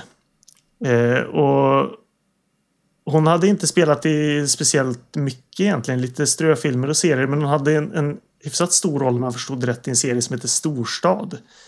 Eh, som gick 90 Okej. till 91. Eh, annars var det något avsnitt av Percy Tårar och så, och så vidare. Men det var inte mycket alls. Eh, och detsamma gäller ju även då eh, Marie Chantal Lång som spelar Lucia som, som inte heller verkar haft någon, någon enorm karriär. Hon spelade Irina Gornitska i Rederiet såg jag. Ja, hon spelar eh, också i Ebba och Didrik. Jaha, Hon spelar eh, mamman till eh, ja, pojken Filip som han heter då, i, i Ebba Didrik. Men Filip spelas ju av Malik Bendjelloul som sedermera eh, gjorde den här Searching for Sugarman-filmen. mm. Eh, Ebba Didrik var också en sån där serie som jag tittade väldigt mycket på. Jag hade den på VHS som barn. Okej. Väldigt bra serie. Man har bara sett lite i förbifarten sådär någon gång då. SVT sände väl den i några omgångar just nu idag. Ja, men, ja när, vi, när vi var små då. Mm. Det är faktiskt... Eh, mina föräldrar skaffade VHS ganska sent så jag var... Jag tror jag var sju år när vi skaffade VHS-spelare första gången. Och den allra första VHS-kassetten jag hade eh, var Ebba och Didrik. Okej. Så det var liksom allra första filmen som, Mm. som vi ägde. Då är det verkligen ett speciellt förhållande. Ja, jo. Ett tag där så var det väl säkert det enda vi hade. Så så var bara den jag kunde se. Ebba och Didrik om och om igen. Det är tur att den är så lång. Nej, men det, jag tyckte det var kul också med eh, Marie Chantal Lång för hennes senaste credit var i filmen Spring Uje Spring. Den som kom för ett par år sedan. Och där har hon, har hon rollen Woman at the Dr. Cosmos Concert. Okej. Eh, Det, det roligaste jag kunde se om den här filmen var ju att den, den, det var ju speciellt för den här fick ju 15-årsgräns till en början, vilket de ändrade först en vecka efter den hade premiär. Jag tyckte det var så kul för de, de hade menat på att den skulle ha en psykologisk hotbild som kunde vara skrämmande för barn. Om något så tänker jag att barn inte skulle fatta vad fan det här handlar om. Nej, precis, precis. Jag Eh, gjorde ju definitivt inte det. Jag, jag visste inte förrän nu att det här ska vara någon slags eh, liksom, nazistgrupp som Nej, precis. plan, planerar liksom ett, att mörda någon så här... eh, Jag, jag vet inte vem det är, någon typ F, FN-representant. Jag, jag, för, jag läste mig till i efterhand att det är någon sån där eh, någon flyktinggala och det är någon slags FN-person. Ja. Mm. Eh, tvära kast kan vi prata om här. Ja, verkligen. Ja, men någon ambassadör eller vad han är. Ja, precis. För jag precis. kommer också ihåg, jag såg ju den här som barn. Jag har ju en fem år äldre brorsa så väldigt mycket såg jag ju liksom tidigt ihop med, med honom och hans kompisar. Då. Och jag fattar ju liksom aldrig heller vad filmen egentligen handlade om och den här naziströrelsen. Jag kommer bara ihåg att, att Walter och Vanja var väldigt obehagliga karaktärer. Eh, speciellt hon Vanja då, för hon är liksom så, man, vad ska man säga, explosiv och, utåtriktad då i slutet eh, går det lite överstyr. Så att, ja, så här, det här är obehagligt men jag fattar ju aldrig helheten. Nej. Jag, jag fattar ju knappt vad filmen handlar om nu. Nej. Kändes det som ibland så. Nej, jag får erkänna att jag faktiskt ja, men tog några omtag så här, faktiskt spelat tillbaka på några tillfällen. Så bara, men hur, hur fan klippte de nu? Hur, Mm. hur ska det här hänga ihop riktigt? För den tycker jag är jättekonstig. Vi kommer få hjälp av varandra lite på vägen kan jag säga och bena ut den här filmen sen. Eh, men då, det, ja. Nej men ska vi, vi gå vidare till den här VHSen då? Eller Jag vill bara DVDn nämna det- Björn, Björn Kjellman också. Det är en väldigt ung Björn Kjellman som är med i det här nazi-gänget också. Men han har ju, tror jag, inte en enda replik. Han bara sitter och flinar. Ja, jag tror han är repliklös faktiskt. Ja, Mm. Eh, och sen, vad heter han, John, John eller Johan Paulsen.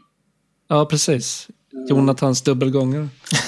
Ja, eh, som precis. jag tycker är synd att han inte har gjort eh, mycket mer film. För jag tycker han är Ja. väldigt skön i, i de filmer jag har sett.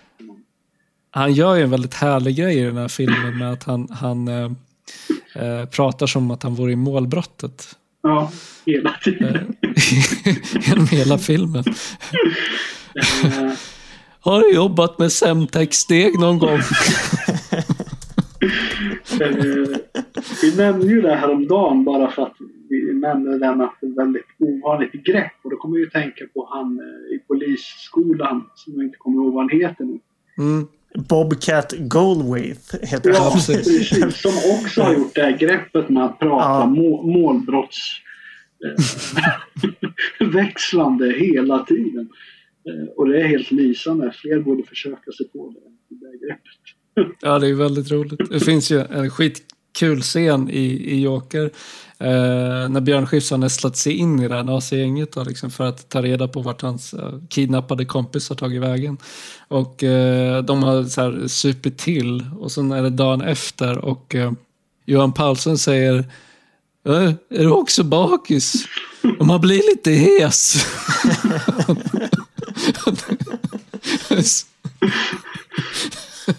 Det är som att han är så omedveten om hur jävla sjuk rösten han har. Han är den mest orespektingivande nazisten någonsin. Jo, jo, visst. Ja, men han, han känns ju som att han bara är så här... Han skulle ju hoppa med i vilket gäng som helst som Ja, vill ha precis. honom. Liksom. Ja, han är bara, Precis, bara få ha kompisar. Så. bara får vara med. Och så är det väl, ja, det är väl, det är väl de liksom. Och, Ja. och, och PG Mm. Helén då som också är en av eh, nazisterna där. Som Mm. pratar skånska i den filmen. För ovanlighetens skull. Mm. Blankfet och har någon konstig hakkorsring i ena örat.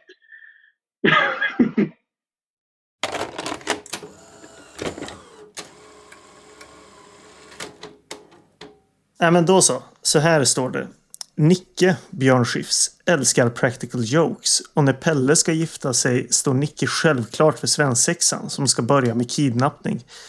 Men allt går snett och Pelle kidnappas på riktigt av en terroristgrupp.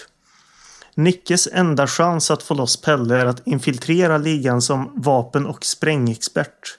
Och efter sig har Nicke några Säpomän, Pelles fästmö, arg som ett bi och hennes italienska bröder. För att klara livhanken på för att klara livhanken på sig. Eh, och Pelle Gud vilken konstig mening. Ja, för att klara livhanken på sig och Pelles Pelle tvingar vad är det här är ju helt det står ju fel. För att klara livhanken på sig och Pelle tvingas Nicke till slut att utnyttja sina allra sista kort som practical joker. Ja, ja, ja. ja, man, man hänger med i alla fall. Eh, så här står det på, på det här omslaget och vi har tre små, små korta kommentarer här också. Tidningen Idag kallar den för en underhållande actionkomedi. Sen har faktiskt Dagens Nyheter recenserat den här också. De säger att tempot är högt. Eh, och Expressen skriver skickligt skifs. Men då så ska vi ju se som sagt vad de, vad de riktiga recensenterna tycker om den här. De skriver så här då. Björn Skifs spelar en reklamfotograf som älskar practical jokes. När han ska arrangera kidnappning vid en svensexa urartar det till blodigt allvar. Manuset har till en början en välgörande självironi men tappar efterhand stinget. Två stjärnor av fem. Jag vet inte, jag, de, jag vet inte om några av de andra på filmdatabasen, några av de recensionerna faktiskt nämnde självironi men jag kan väl, jag vet inte riktigt om jag håller med. Nej, Den här filmen börjar ganska, eh, vad ska man säga? Mörkt. Ja, mörkt, men framförallt också så börjar den ganska eh, knackigt i det att här är liksom Björn eh, i, han håller på med sina starkaste Björn eh, ismer, eller vad man ska säga. Han har något konstigt ljud för sig som han gör hela tiden. Han liksom säger Ja, jag, jag tänkte på att de brände ner den här flykting... militäranläggningen. Ja, det tänkte jag med på. Jaha, det, den scenen har jag glömt bort. det kommer jag inte ens ihåg. Ja, Okej, då, då börjar den definitivt väldigt mörkt. Det hade jag helt glömt bort faktiskt. Som sagt, vi, vi kommer behöva hjälpas åt lite här och, och bena i den här handlingen. Eh, Ja. Och Det bör, börjar ju med den här bussen full med, med, eh, Med flyktingbarn, fly- flyktingbarn precis, Ja. som sjunger Vi går över daggstänkta berg. Och sen eh, de här eh, nazisterna tuttar eld på eh, den här flyktinganläggningen. Det är ju då han, Johan Paulsens karaktär eh, snubblar över en barnvagn och bryter armen. Sen går ju han runt i metella resten av filmen. Men, men för att vara liksom en, en eh, ganska tramsig komedi så är ju den här inledningen väldigt mörk. Ja, gud, ja, Ja. Det, det rännstensrullar, rännstensrullarnas eh, eh, senior editor får även gå in här och klippa. så, så, så det inte blir, eh, blir, det blir tvära kast även här. Det hade jag helt glömt bort faktiskt. Men det är ju väldigt mörkt, ja, får man definitivt säga. Som sagt, den här filmen är ju speciell på så sätt att eh, det är också faktiskt intressant har jag tänkt på att man eh, inte någonstans benämner att det faktiskt är nynazister som är eh, liksom eh, antagonister i den här filmen. Man, man skriver en, en liksom terroristgrupp, men det kan ju vara lite vad som helst. Mm. Men det är ju ett väldigt mörkt drag att, att liksom eh, ganska väldigt explicit blanda in liksom att i den här väldigt fåniga och, och eh, märkliga komedin att man också har det här liksom nazistspåret. I. Ja, det är väl aldrig uttalat att det är nazister, men det är Ja, men är det inte något hakkors med? På, alltså Nej, där- det, det är en annan symbol. De har gjort en variant på ett hakkors och sen en variant på eh, liksom Hitlerhälsningen. Just det, ja, ja man, man fattar vad det handlar om men det är inte, inte uttalat. Ja, just det, ja men så kan det vara. Ja men precis. Men det är klart att det är nazister. Det, det är klart att de är nazister. Liksom. Det är uttalat, vad ska man säga, mellan raderna. För det ja, är ju, ja, Dels Johan, eh, vad sa du att han hette nu då? Johan Paulsens karaktär, han har ju någon butik Ja, eh, där han säljer typ eh, nazist eh, eh, repliker och grejer. Eh, Ja. Så där kan man ju faktiskt se vissa eh, liksom riktiga nazistiska saker genom det där skyltfönstret. Och sen är det PG som har ett hakkors i örat. Har han ett hakkors? Är det ett hakkors? Ja, jag Det missade Jag vill minnas att det är ett hakkors. Ja. Och sen så är det när eh, lite längre fram i filmen så tar ju Björn Skifs karaktär vissa eh, kopior på gamla pressklipp. Mm. Eh, och på några av dem i så här, eh, vad heter det, fotostat negativ bild så gör några riktig Hitlerhälsning. Men allt som är Ah, direkt okej. i filmen eh, då har de hela tiden maskerat det med, med Mm. andra, andra ramsor, andra hälsningsformer. Och Mm. sådär. Eh, Så det är lite skumt på det här viset. Man har inte liksom velat vara direkt med det. Eh, Samtidigt som att man ändå är väldigt övertydlig med att det är nazister. mm. ja nej, det, det är ver- verkligen ett, ett speciellt eh, ge- drag kan jag tycka. Mm. Mm. Men ja, då ef- efter den här eh, oerhört mörka öppningen, då kommer vi fram till, till Björn Då kommer vi fram till Björn Skifs som jag, som jag minns. Eh, som, som sagt, här är han verkligen igång med sina konstiga ljud och miner och man vill ju etablera hela tiden att han, han älskar practical jokes. Men jag tyckte mest att det var så här pojkstreck han håller på med. Jo. Mm. Jag håller med. Eh, Jag fattar ju inte ens förrän du läste, läste eh, baksidestexten här eh, varför filmen egentligen kallades för Joker och att han ens hade Säpo-agenter efter sig. För det fick jag aldrig ut av själva filmen. Men vänta, har han Säpo-agenter efter sig? Ja, det stod så i baksidetexten men jag, fick, jag fattade aldrig det när jag såg filmen. Vilk, när, när då? Och, och sen det här då Jokern, då tänkte jag dubbelspelet att han infiltrerar nazisterna. Mm. Men, men, det, men baksidestexten ville anspela på att han var att han är en joker för att han är så skojig. Mm. Att han är, Men det ja, fattar jag inte heller. Men han och hans polare Pelle spelar ju practical jokes på varandra. Det verkar ju vara det deras liksom, vänskap grundar sig i. Att de bara jävlas med varandra hela tiden. mm. Ja, jo, men, men jag knöt aldrig ihop det med filmtiteln. Nej, nej. liksom. Ja. Nej, men det är väl just det där att det, det man, man vill måla upp det som att han är väldigt eh, elaborate. Liksom. Mm. Eh, men, men det är han ju inte riktigt. Förutom då i det här iscensättandet att de ska, ska kidnappa Pelle då. Eh, som inte går så det är jättebra. Eh, men, men han jobbar ju som reklamfotograf. De har ju en otrolig lägenhet han Ja. bor i. Eller om det ens är en lägenhet. Det är som en, en sån här... Det är en sån här riktig 80-tals. våning. Ja, det är som en våning i någon slags lagerlokal tror jag. Full med liksom persienner och, och jag tror till och med att det är någon glastegel med min favorit. Eller så. Ja, så här cool spiraltrappa. Ja, precis. Precis. Verkligen coolt liksom. Men som sagt, det är mycket sånt där. Är det inte att han har lagat någon gryta och han har gömt någon sån där plastorm i eller något sånt där? Bara, Nej, det är en plast, eh, plasthöna eller plastkyckling. Ja, just det. Det är så jag som ett huvud och det är verkligen så här, bara, ja. Practical joke. liksom. Men eh, de ska ju då iscensätta den här kidnappningen och det råkar bara falla sig så på Östermalm som de är på. Det, det säger de ju till och med att det är både en riktig kidnappning som, som sker bara något kvarter eh, därifrån.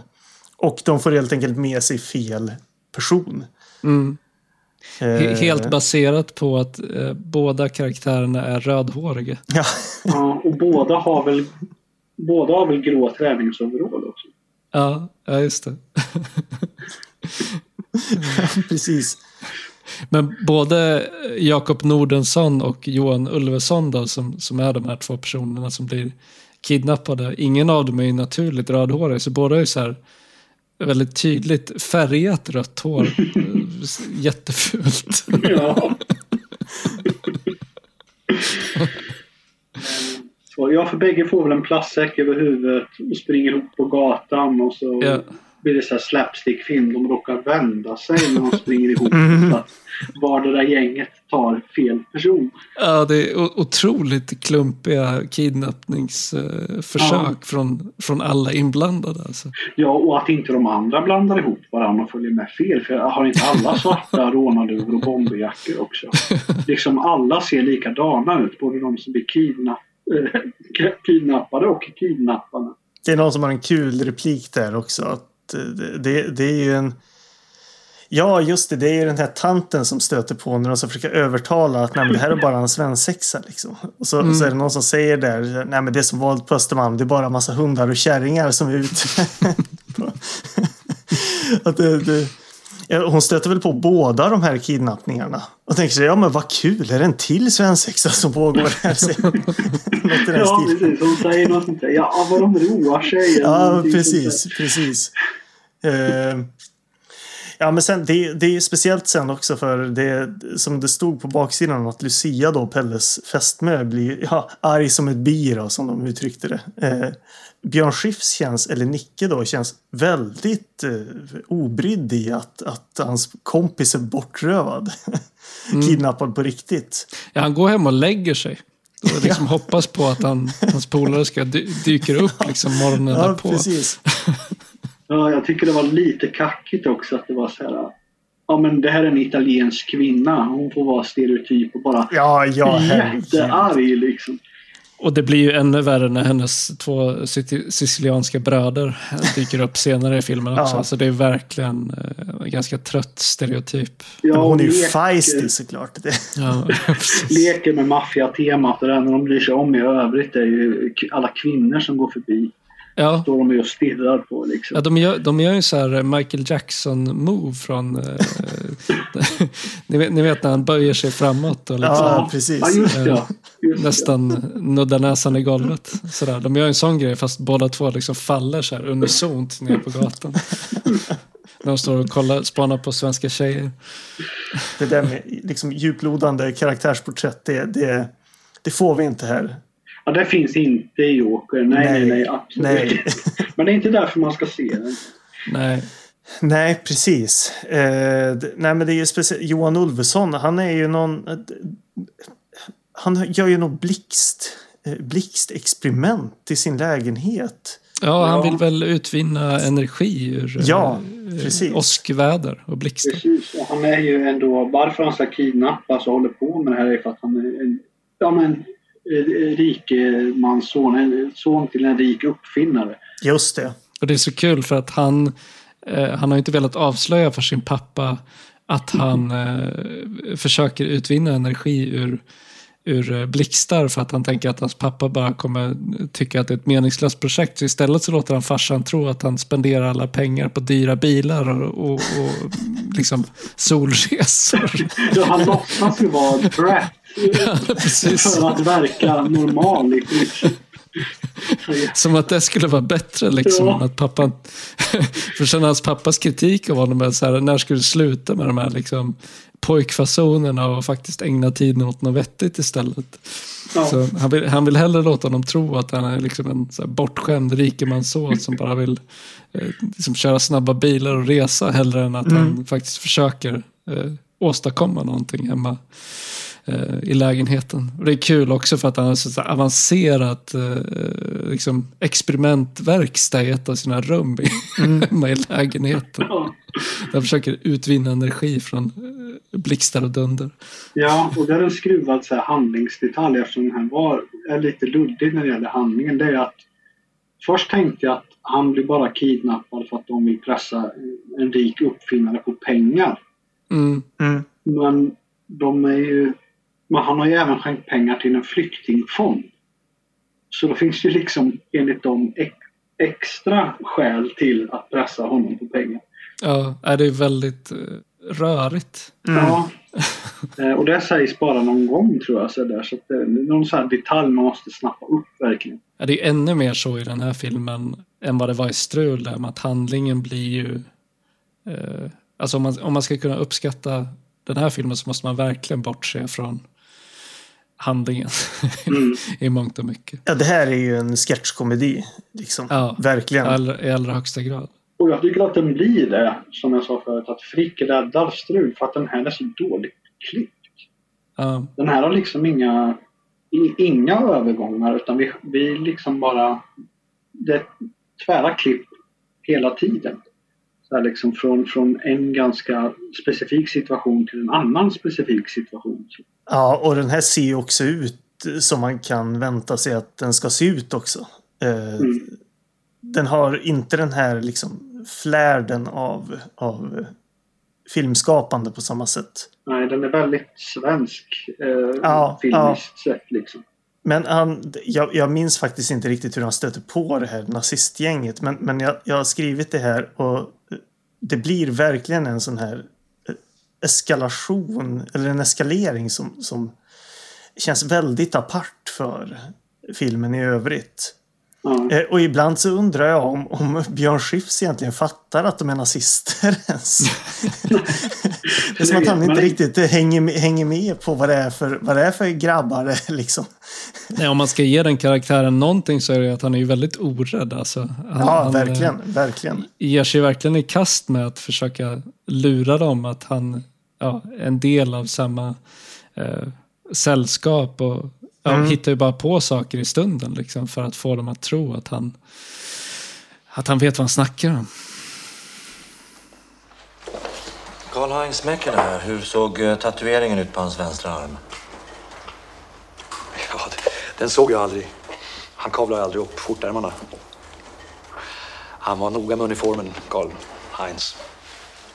Och när du säger det där Jonathan, att så här, hur liksom kommer han dem egentligen på spåren? Jag satt och spårade tillbaka flera gånger tills jag insåg att han utan att vi får någon förklaring bara får syn på eh, Johan Paulsens karaktär gå ut ur sin den här nazist-antikvitetsaffären. Och så bara Just det. följer han efter honom. Mm. men Han, han känner igen honom från tidigare. eh, Just för Okej. att han har den här eh, armen i mitella. Ja, för Ja, han ser det. honom med den armen under kidnappningsförsöket. Så hela, allting är liksom baserat på att det är en snubbe med Mitella. mitella. Ja, just det, för de har någon de har någon photoshoot i, ja det är väl Gamla stan tror jag. Ja, Eh, precis. Mm. Och precis, han ser honom gå ut därifrån. Ja, nej men det, och sen så får man ju den här ganska spretiga och osammanhängande handlingen. Där det, det stora jag tar med mig är att eh, man lyckas inte riktigt här balansera upp den här väldigt mörka sidohandlingen gentemot, eh, gentemot eh, de komiska bitarna. Nej. Nästan nu när du faktiskt påminner mig om den här öppningsscenen också att det nästan är lite ansvarslöst på något vis. Att försöka blanda de här två eh, alltså den otroligt fåniga filmen å ena sidan Mm. och den här väldigt uppenbara liksom, eh, handlingen å andra sidan. Dessutom utgiven i en tid inte liksom långt efter eh, liksom den, den stora nynazistvågen i Sverige i slutet Ja, av precis. just 80-talet. Eh, då mycket av sånt här liksom skedde i verkligheten med, med flyktingförläggningar och grejer. Så Mm. ja, det är väldigt eh, vågat och ganska normskitt eh, gjort så. Ja, eftersom att man liksom inte... Man kommer ju inte riktigt fram till någonting. Nej. Det, det, det är lite för platt eh, för att det här ska flyga. Ja, alltså jag tror filmen hade väl tjänat på att man inte skulle ha använt eh, den typ av rörelse som har en så liksom stark anknytning till verkligheten. Ja, och som du sa Andreas, verkligen. Det är ju viktigt att poängtera hur, hur när, nu minns jag inte när, när eh, alltså kravallerna i Kungsträdgården var. Det var väl sent 80-tal någon gång där, eller mitten kanske var, men det var ju verkligen i, i ropet mer än att den här rörelsen var aktuell på ett helt Ja. nytt sätt.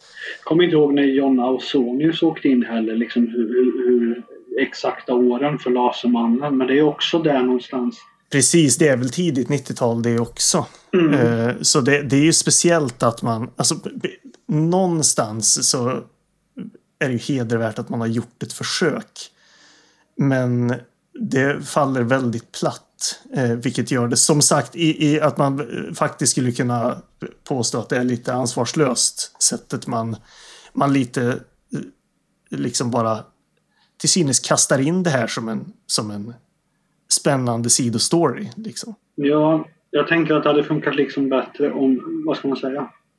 Om det hade varit liksom fånigare nazister, men de etablerade dem ju så starkt i början. Mm. På liksom ett jättemörkt och hemskt sätt. Hade det varit nedtonat eh, så... Du pratade om balans förut Jonathan, det är väl just det. Eh, Man misslyckas väldigt mycket med balansen. Därför om man tar Gert Fylkings karaktär till exempel som ledaren för det här gänget. Han är ju läskig på riktigt. Mm. Det finns ju ingenting komiskt över den karaktären överhuvudtaget. Eh, som jag ser det. Han är bara obehaglig. Eh, och på så sätt gör ju rollen bra. Liksom. Men, Jo, jo, precis. men ehm, eh, det, det överensstämmer ju inte riktigt med filmens övriga tramsiga ton. Nej, han skulle kunna varit med en helt annan typ av film verkligen. Eh, Ja. Väldigt allvarlig och, och otäck. Ja, alltså jag undrar varför man... Eller jag, jag kan... Jag spekulerar bara, men jag gissar att man ville på något vis förankra den. Varför man, man valde att göra det i den här filmen är snurrigt. Men jag, jag kan inte riktigt förstå varför man inte bara gjorde... Liksom skippade den här introsekvensen. Eh, inte behövde göra det här ganska spektakulära ändå ska säga slutscenen på Globen där till ett, ett liksom regelrätt och väldigt eh, alltså Alltså ett regelrätt terrorbrott liksom, som de ska utföra. Och att man bara inte bara gjorde det här till någon slags anonym terrorgrupp som hade kunnat varit vad som helst. Som, ja, det hade inte behövt finnas någon liksom politisk förankring överhuvudtaget. Nej, precis. Utan att man bara gjorde det här till en grupp som man ser i alla andra filmer mer eller mindre. Eh, så hade det ju funkat på ett helt annat sätt. Men det är just att man eventuellt eller det är kanske nästan är värre om man inte vill göra någon slags förankring i verkligheten. Men att den i vilket fall får det som gör att det, att det verkligen inte flyger. Eh, vi har en nazirapscen också. Som är Det- unik och fantastisk. Ja, jo, men den är ju kul faktiskt. När eh, Björn Skifs snappar upp att den här liksom naziramsan som Ja, de uttalar för varandra eh, skulle funka eh, om man liksom tonsatte den. Eh, Ja, gör lite hiphop av det. Ja, 80 precis. 80-tals eh, hiphop. Ja, Ja, verkligen. ja, det, Jag tycker det är ett så här fint element för det är så fint sätt att driva med dem utan att de fattar det. För de, de hänger liksom på och tycker att han är en skojig skön kille. först, eh, först undrar de här, vad fan håller han på med? Liksom. Och sen inser de, fan men det här, det här är ju skö, skönt gung, det svänger liksom. Och så fattar de inte att han bara driver med dem hela tiden. Gör, gör narr av dem. Nej men det, det, det är en bra scen faktiskt. Mm. Ja, Eh, genomgående så tycker jag att det finns en, en hel del liksom, bra scener om man betraktar dem som, som just sketcher snarare än del av en film. Ja, absolut, absolut. Den här filmen har ju absolut sina kvaliteter också. Speciellt om man, som du säger, alltså faktiskt ser den som, som en rad sketcher efter varandra bara. Den har bra bitar, den har intressanta bitar. Eh, det, det, och jag hade egentligen inte riktigt liksom... Eh, det var intressant att vi ändå liksom kom, alltså, diskuterade den här biten med hur mörk den är. För jag hade inte riktigt, inte riktigt placerat filmen eh, på det större planet mer än att jag tyckte att det var orimligt mörkt. Du menar i den historiska kontexten eller? Ja, precis. Ja. Eh, Men med det sagt så, så finns det mycket bra i den här filmen också. Det råkar bara vara så olyckligt att de också har försökt göra någonting som verkligen inte funkar eh, samtidigt. Ja, men hela premissen där med att eh, Pelle då, Jakob Nordensson, att han liksom blir kidnappad och ganska lång tid tror att det är hans polare som har dragit med honom på svensexan och stänger Ja, in honom precis. i så här, jävla dungeon. Ja, verkligen. Han är precis i dygn så här, så här ah, kul, kul grabbar. Ja. Det är faktiskt inte särskilt roligt längre. Nej, precis. Han har fått Coca-Cola och prickig korvsmörgås i typ tre dagar. Det är, så här, är, det sådana där skämt de drar annars? Alltså utanför den här filmen? I och med att han tycker att det är ganska rimligt första dagen i alla fall. Jo, ja, första gången han drar sig i ögonbindeln och liksom ser den här jävla eh, fängelsehålan han sitter i. och säger Så här, det här är riktigt bra alltså. Det här är riktigt bra. Ja, ja, det hade ju precis. varit ett riktigt bra practical joke. Grabbar, allvarligt talat. Nu har jag varit här i mer än 20 timmar. Det är inte kul längre. Jag är så jävla glad att jag inte har kompisar som liksom håller på med sånt där skit. Alltså jag hatar practical jokes. Ja, ja, ja. Jag vet, jag vet att det är folk som jag känner som, som alltid har sagt Åh, jag- när jag fyllde år så, så kidnappar de mig liksom. Ja. Jag, jag orkar inte. Leave me out of it liksom. Ja. Eh, något mer som ni vill säga om Joker? Nej, inte förutom att man ja, men som första gångs tittare var, var verkligen beredd och, och vill du uppfatta handlingen som helhet så, så måste du vara fokuserad. Ja. Ja, precis. Eh, det, det, jag, jag tänkte på det att det var faktiskt det var hyfsat länge sedan jag såg en film som kändes så här planlös. Liksom.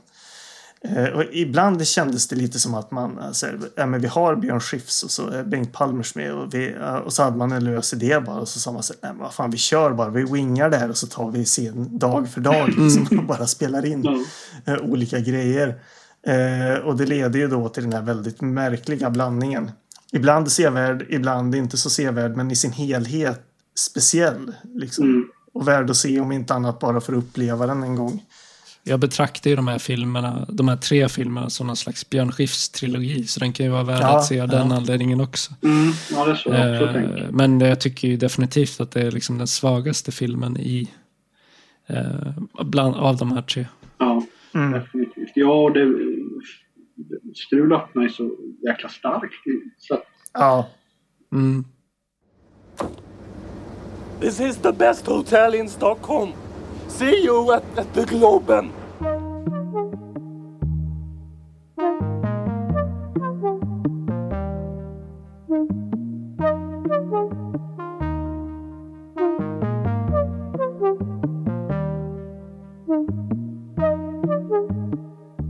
Innan vi fortsätter så ska jag sticka in med en liten extra på så här mitt i avsnittet eftersom eh, vi, vi blev så jävla ordrika eh, när vi pratade kring strul och eh, Joker att eh, vi blev tvungna att avbryta inspelningen mitt i.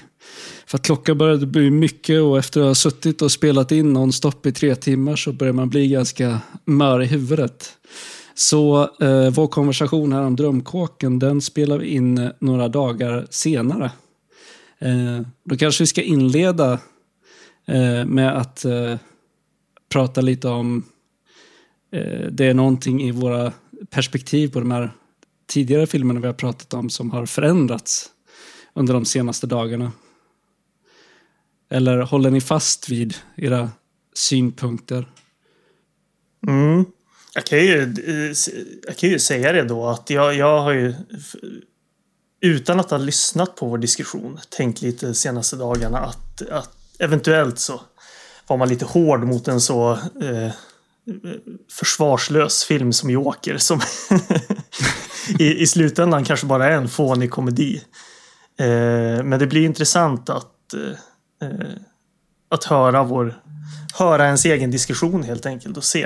Eh, men, men eventuellt så kanske man man vill inte låta som en eh, pekfingerviftande eh, moralist som, som Nej. skriker runt en 30 år gammal komedi med Björn Skifs. Även fast den definitivt har sina problem. Så.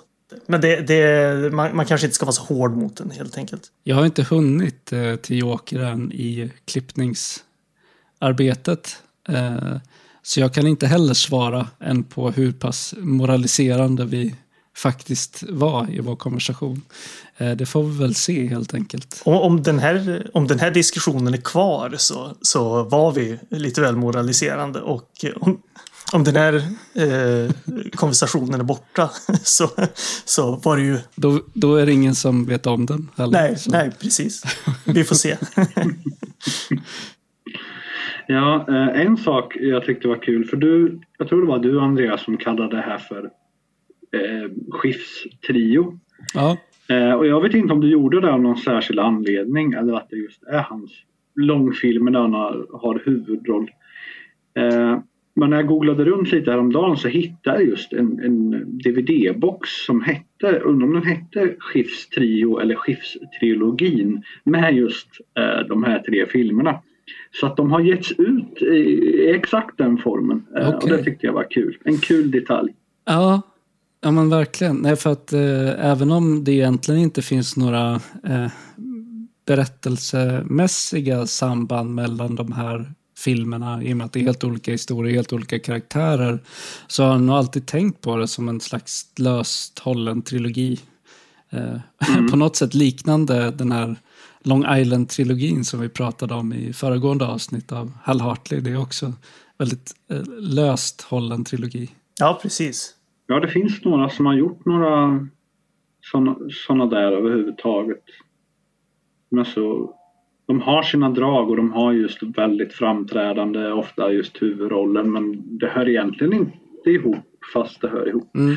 Jag tänker på till exempel Den onde, den gode, den fule och Dollarfilmerna också som mer eller mindre Clint Eastwood i samma kläder fast i tre olika roller i tre olika filmer liksom. Mm.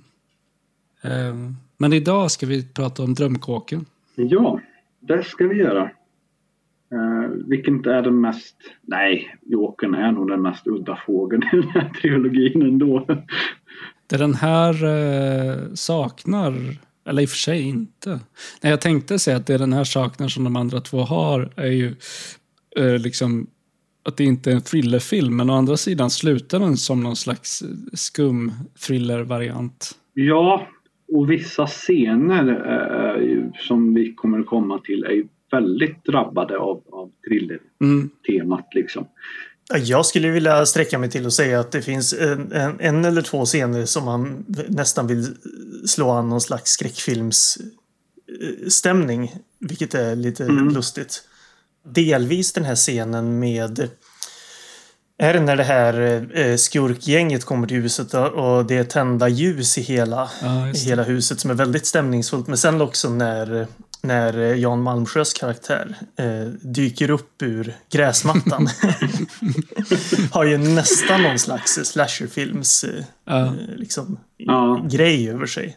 I hur, man, hur han dyker upp som ett, som ett spöke eller ett monster nästan. Ja, det finns ju små inslag av det där tidigare i filmen som på något sätt eh, ger en antydan om att det här ska bli en del av handlingen senare. Det är ju när Pontus Gustafssons karaktär Robert eh, kryper omkring nere i, i deras källare. Eh, så han, han dyker ju bara upp som en så här mörk figur som är där i... När, när, så fort mörkret faller och det är natt så är- är det någon skum typ som går omkring i det här huset. Och fram till det, dess att man vet vad det handlar om så framstår det som en ganska apart del av filmen. Eftersom resten bara är en så här ganska tramsig eh, liksom, familjekomedi om en pappa med tummen mitt i handen och att familjen har flyttat in i ett nytt hus och allting bara går åt helvete. Liksom. Ja. Det var just de scenerna jag tänkte på och speciellt när, när han har sönder vattenledningen och kommer ner och försöker fixa det där och sen vänder han och går upp och då dyker bara den här mörka figuren upp ur vattnet. Till en väldigt liksom, eh, jag skulle säga kraftfull liksom syntmatta. Mm. Som är jättedramatisk och då är det verkligen så här, ja men det skulle lika gärna kunna vara en Jason Voorhees Ja. Mm, mm. Liksom där just att komma upp ur vattnet. Precis. Och bara en svart silhuett som är hotfull. Det hade, ju, det hade ju varit ett starkt, en stark tredje akt på den här filmen om istället för, för de här tre skurkarna liksom, och, och den här skattjakten som blir att det faktiskt utvecklas till en svensk slasher. Det, Ja, det, det hade varit något. den här filmen hade ju stuckit eh, från en, alltså till en ganska stark fyra då skulle jag, skulle jag gissa på. ja. Mest förvånande hade ju då varit att det är huvudroll Björn Skifs och regi eh, Peter Dalle. Ja, precis. Dalle och slasher. Nej. Ja, de gjorde ju den här uh, kuvertscenen i Yrrol. När de klipper fingret Ja. av, av eh, gisslan. Bland de bästa scenerna som har gjorts också. I alla fall rent dialogmässigt. Alltså. Men jag vet inte om det är på slasher-nivå direkt. Mm, nej, det är väl inte det. Om inte annat är väldigt plastigt pekfinger. det ser ut som ketchup tror jag. Men det här är ju inte returpapper. Vad är du för människa?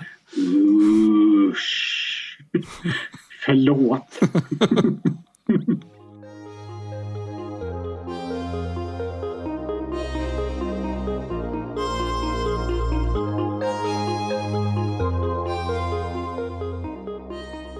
Då är det ju Peter Dalle som står för regi när det gäller Drömkåken. Och eh, som tidigare för, eh, ja, föregående filmer så är det ju Bengt Palmers som har varit med och skrivit den men istället för att ha skrivit den ihop med Björn Skifs så har han skrivit den ihop med just Peter Dalle. Och vi har ju ganska många bekanta på rolllistan men också en del nya som man nog mer eh, relaterar till just Peter Dalle. Det är Björn Skifs som är den här klantiga pappan och husägaren Göran som är gift med Tina som spelas av Susanne Reuter. Och så har vi Sara Zetterqvist som dottern Petra. Eh, och nu kommer jag inte ihåg exakt vad jag har sett den här Sara Zetterqvist i förut. Men det är en himla massa saker hon har gjort eh, som. Är inte hon främst eh, känd från Tre Kronor, eller? Ja, det är det jag tänker på. Jag tror hon Precis. spelar någon av de här eh, huvudkaraktärerna i Tre Kronor. Jag ser att de var med i 51 avsnitt. Precis, men sen så har hon väl gjort något som ännu lite yngre har jag för mig. För hon är just typisk om säga eh, barn och ungdomsskådespelare. Hon gjorde väldigt mycket upp till, till liksom eh, jag vet inte om det är mitten eller sena tonåren men sen försvinner hon ju liksom där någonstans i mitten på 90-talet känns det som. Ja. Eh, sen har vi sonen Anton som spelas av en Mikael Hack eller Haak. ja. Som eh, väl inte har varit med i någonting annat förutom Drömkåken. Nej. Precis. Eh, sen har vi den jättevälbekanta Lena Nyman som, som en oerhört störig påfrestande granne eh, som heter Sanna och är hårfrisörska har jag för mig. Och så har vi en annan granne i Majoren eh, som spelas av, eh, av Jan Malmsjö. Och sen har vi grannen Ernst som spelas av Pierre Lindstedt. Eh, Carl Gustav Lindstedts son som antagligen är idag mest känd för att ha varit spöket Staffan i, i Mysteriet på Greveholm. Ja. Det är nog mitt eh, tidigaste minne av honom också faktiskt. Ja, det är ju det. Jag vet att eh, jag kan ha sett honom i, i andra saker men det är liksom första gången han fäster sig. Eh, sen har vi Gunnel Fred som spelar Karin då. Eh, och Gunnel Fred har vi ju tidigare pratat om eftersom hon är liksom hon har spelat mot Björn Skifs i, i Strul eh, som polisen där. Och eh, nu är hon med igen och spelar mot honom när hon helt plötsligt blir någon, på lite omvägar blir inneboende för några dagar där. och sen har vi skurkgänget som dyker upp. Eh, och då är det Pontus Gustafsson som spelar Robert. Johan Ulveson som spelar Fille. Claes Månsson som spelar Mats. Och Peter Dalle själv som spelar Thomas. Eh, och sen har vi några av de bästa faktiskt i, i hela den här produktionen. Det är Hantverkargänget. Ja. Eh, med Anders Ekborg som en otroligt dryg och påfrestande rörmokare. Och så Johan Paulsen igen som var med i Joker. Som är, han bedöms, på IMDB står det Kakelmannen. Ja, jag ser det. och han är ju den här oerhörda friska fläkten som då mer eller mindre kvaddar hela jäkla badrummet. eh, Lite senare i filmen. Jag säger att golvet är lite lattjo. Ja, precis. Nacho-golv. Är det, han som, är det han som är långhårig i filmen också? För jag undrar om det är han som har filmens bästa replik också. jag kommer inte ihåg. Nej, den, lång, den långhåriga är en eh, ska vi se, Sven-Åke Wahlström. Han benämns som kökssnickaren. Just det, just det. Johan Paulsson har väl mössa på sig hela tiden i den här filmen? Mm, har just det. Mm. Det stämmer bra ja. Den här långhåriga, han ser ut som någon så här jäkla Dolph Lundgren. Typ. Ungefär som när Dolph spelar He-Man. Ja, det. faktiskt. De vibbarna får jag. Eh, sen har vi då eh, Göran då som spelas av Björn Skifs. Hans chef tycker jag väl är värd att omnämna också. Spelas av Johan Rabaeus. Som en riktig jäkla yuppie-steker-typ. Ja. Eh, skåning och hans fru Malou som spelas av Anna-Lena Hemström. Nej, Hemström heter hon. Ja, Det är ju en lång rollista här men jag vet inte om vi behöver komma in så mycket mer på... Alltså det är många intressanta som dyker upp lite sådär bara som Hasse Alfredsson som Hasse Alfredsson, Tommy Körberg som Tommy Körberg och Robert Gustafsson som en astmapatient Ja, just det. eh, i en sjukhuskorridor. Alltså det är verkligen en, en diger lista av kända svenska skådespelare Mm. Som dyker upp i större eller mindre roller. Ja, det är det ju verkligen. Jag känner att jag har missat eh, mannen på rullatorn här alltså. Ser jag inte heller i den rolllistan jag har dragit ut så här. Jo, men Rollator-Agda kallas han verkligen fast han heter ju Jan Blomberg. Det var därför jag missade för de kallar honom för Rollator-Agda istället för ett eh, herrnamn då. Nej, Rollator Erland. Okej. Det står Agda på IMDB. Ja. På- Precis, jag tänkte säga. Ja, men då förstår jag. Eh, Det kändes ju mycket mer rimligt att vara en Erland om man är en gammal mossig eh, farbror med pisstofflor än Agda. Liksom. På Svensk Filmdatabas är han eh, betitlad som Rollator Erland.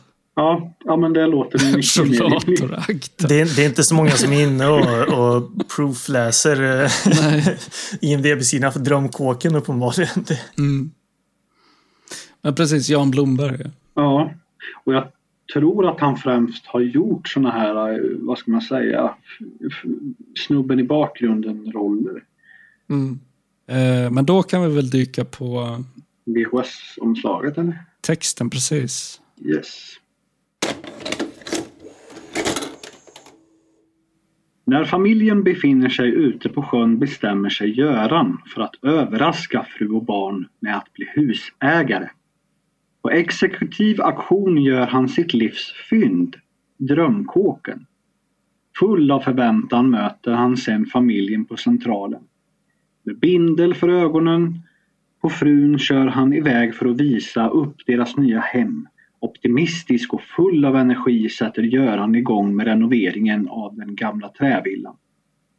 Det visar sig dock snart att drömkåken ruvar på en livsfarlig hemlighet.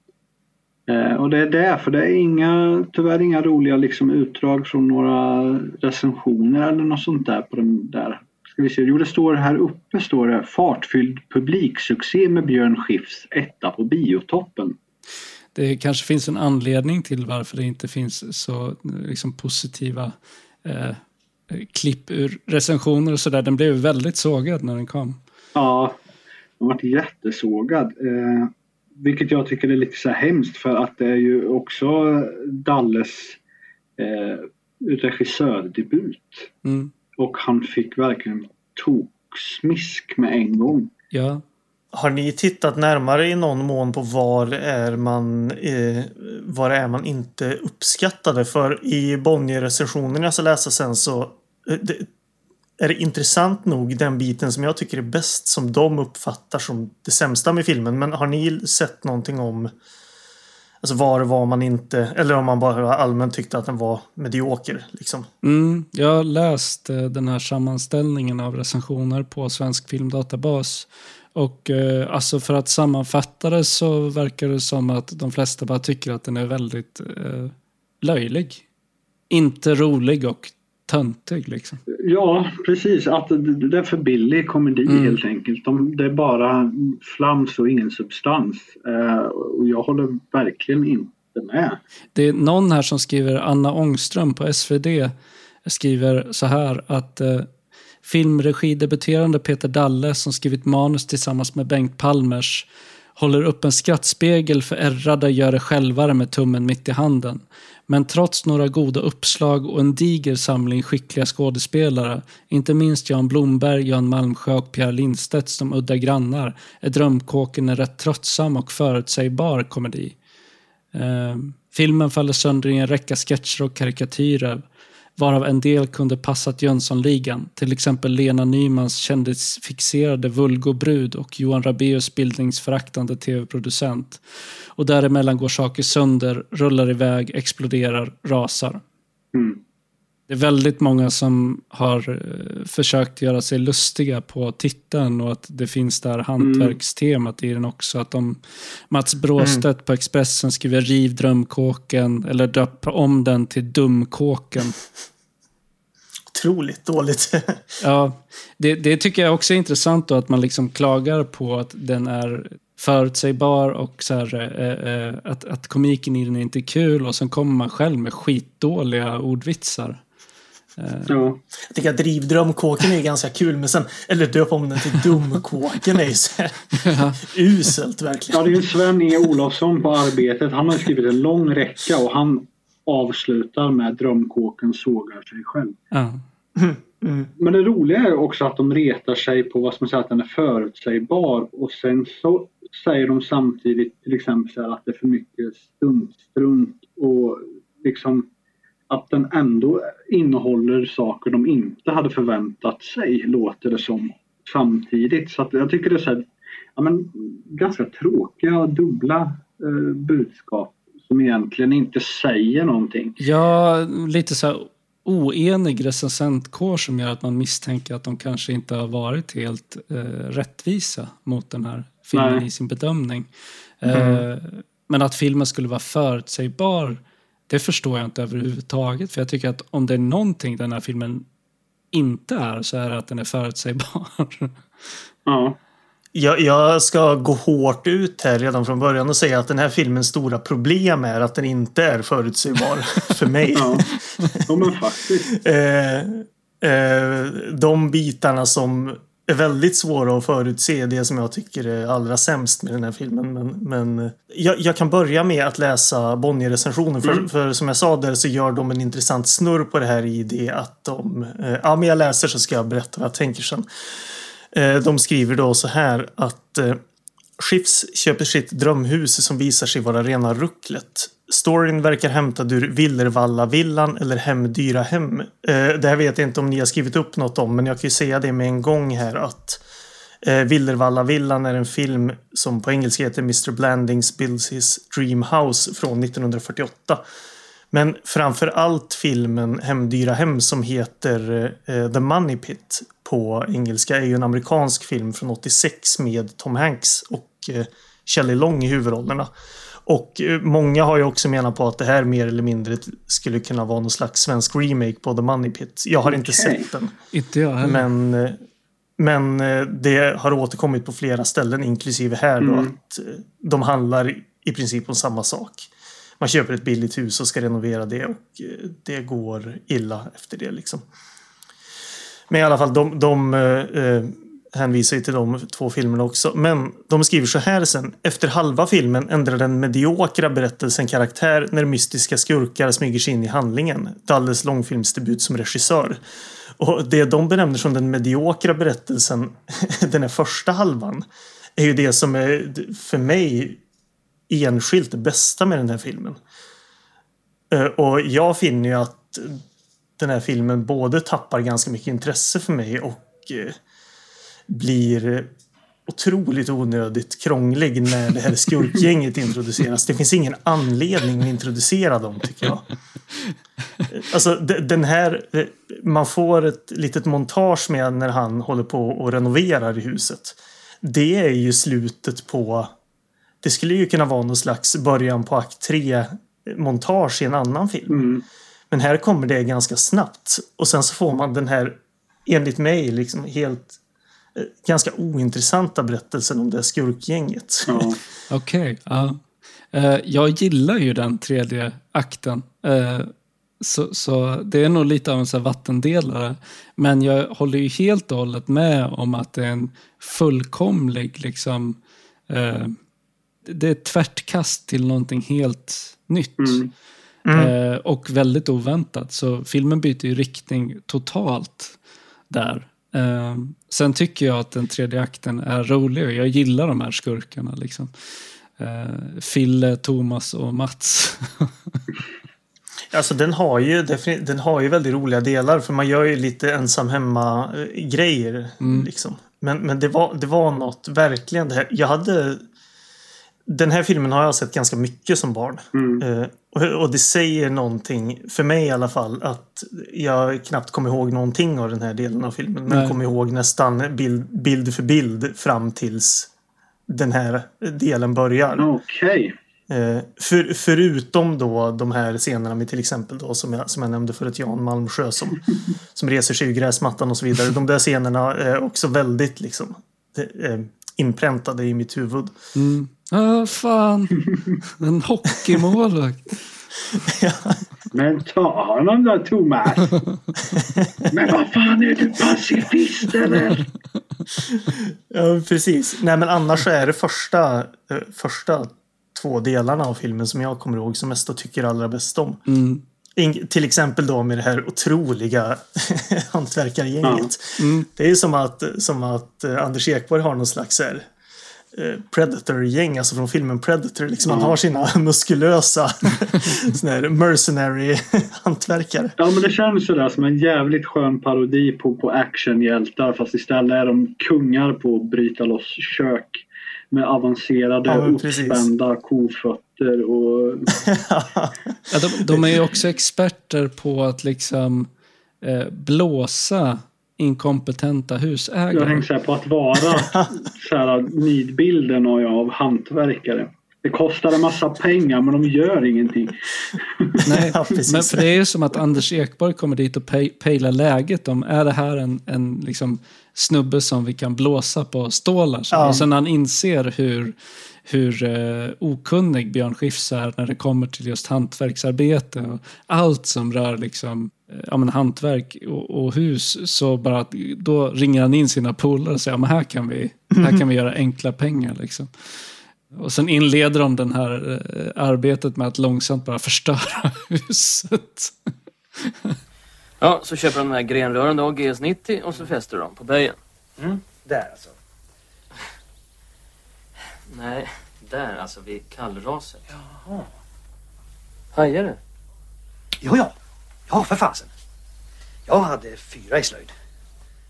Det är den där kökssnickaren också som har den eh, fantastiska liksom, eh, linen när, när, när Björn Skifs inte kan betala och han säger inget deg, inget kneg, så ha ett bra liv. så, så bara drar de sen. Men det blir kanon va? Ja, det får vi väl se. ja, precis.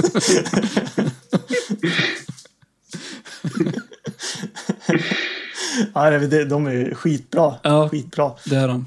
Just de sekvenserna känns ju också... Ja, men alltså lite liknande som vi pratade om med Joker så, så är väl det här också en film som är ganska eh, till stor del indelad i olika sketchsekvenser. Sen har man liksom klippt, eh, klippt upp de sketcherna så att de kommer liksom... I en viss följd Ja. som, som matchar. Ja, precis.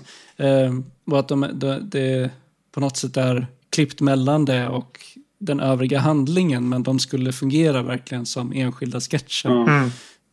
Ja, jag tycker att just eh, när, när skurkarna har kommit till huset att det är liksom filmens höjdpunkt verkligen. Mm. Eh, dels för att det är så jäkla bra manus men också för att det märks att vi har de här tre från Lorry-gänget för de är så samspelta. Eh, och, och allting klaffar och, och, och de gör sina, vad ska man säga, Lorry-specialiteter också. Ja, framförallt Claes Månsson som Mats är så jävla rolig som den här eh, liksom äldre mobbarbrorsan som bara bestämmer över sina två yngre bröder och dem med järnhand. Ja. När, när, när de ska ta sig upp för trappan där och de vet att, att uh, Göran då lurar på övervåningen och har gillat en massa fällor för dem. Och, och sen kommer eh, eh, Claes Månsson och Mats han kommer på den här diaboliska planen att skicka upp sin yngre brorsa genom att fästa någon jävla snöre i örhänget på honom. Så att om han inte gör som han säger Ja, så bara drar han i, i snöret. Ja, det, det bästa i den scenen för övrigt tycker jag, det är för Peter Dalle är ju så jäkla timid och töntig. Han är ju lite efter. Ja. Liksom. Och det är att han då låtsas som att han har godis för att locka fram eh, Björn Skifs karaktär att avslöja sig. Mm, skumtomtar. Ja, då äter jag allt mitt godis själv då.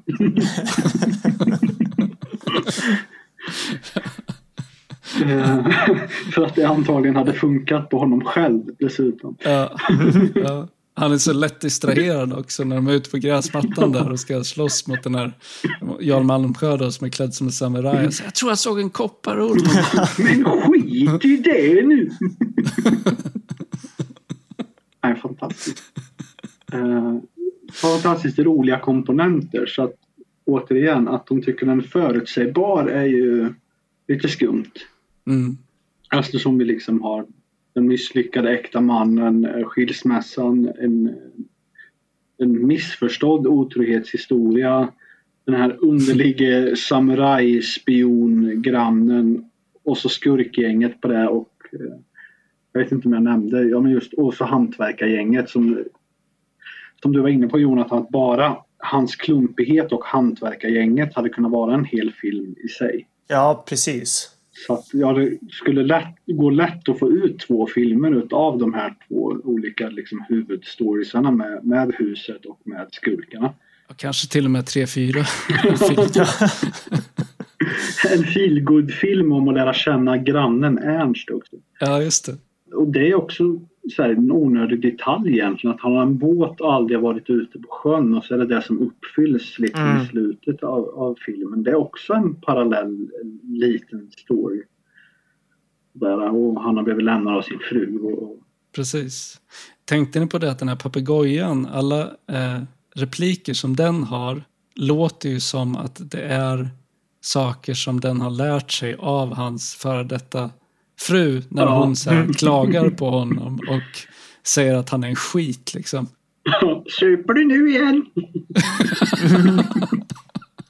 Det är så rolig detalj att papegojan bara alltså, övertagit rollen som hans missnöjda hustru. Ja, precis. Ja, det är jävligt tragikomiskt faktiskt. Ja.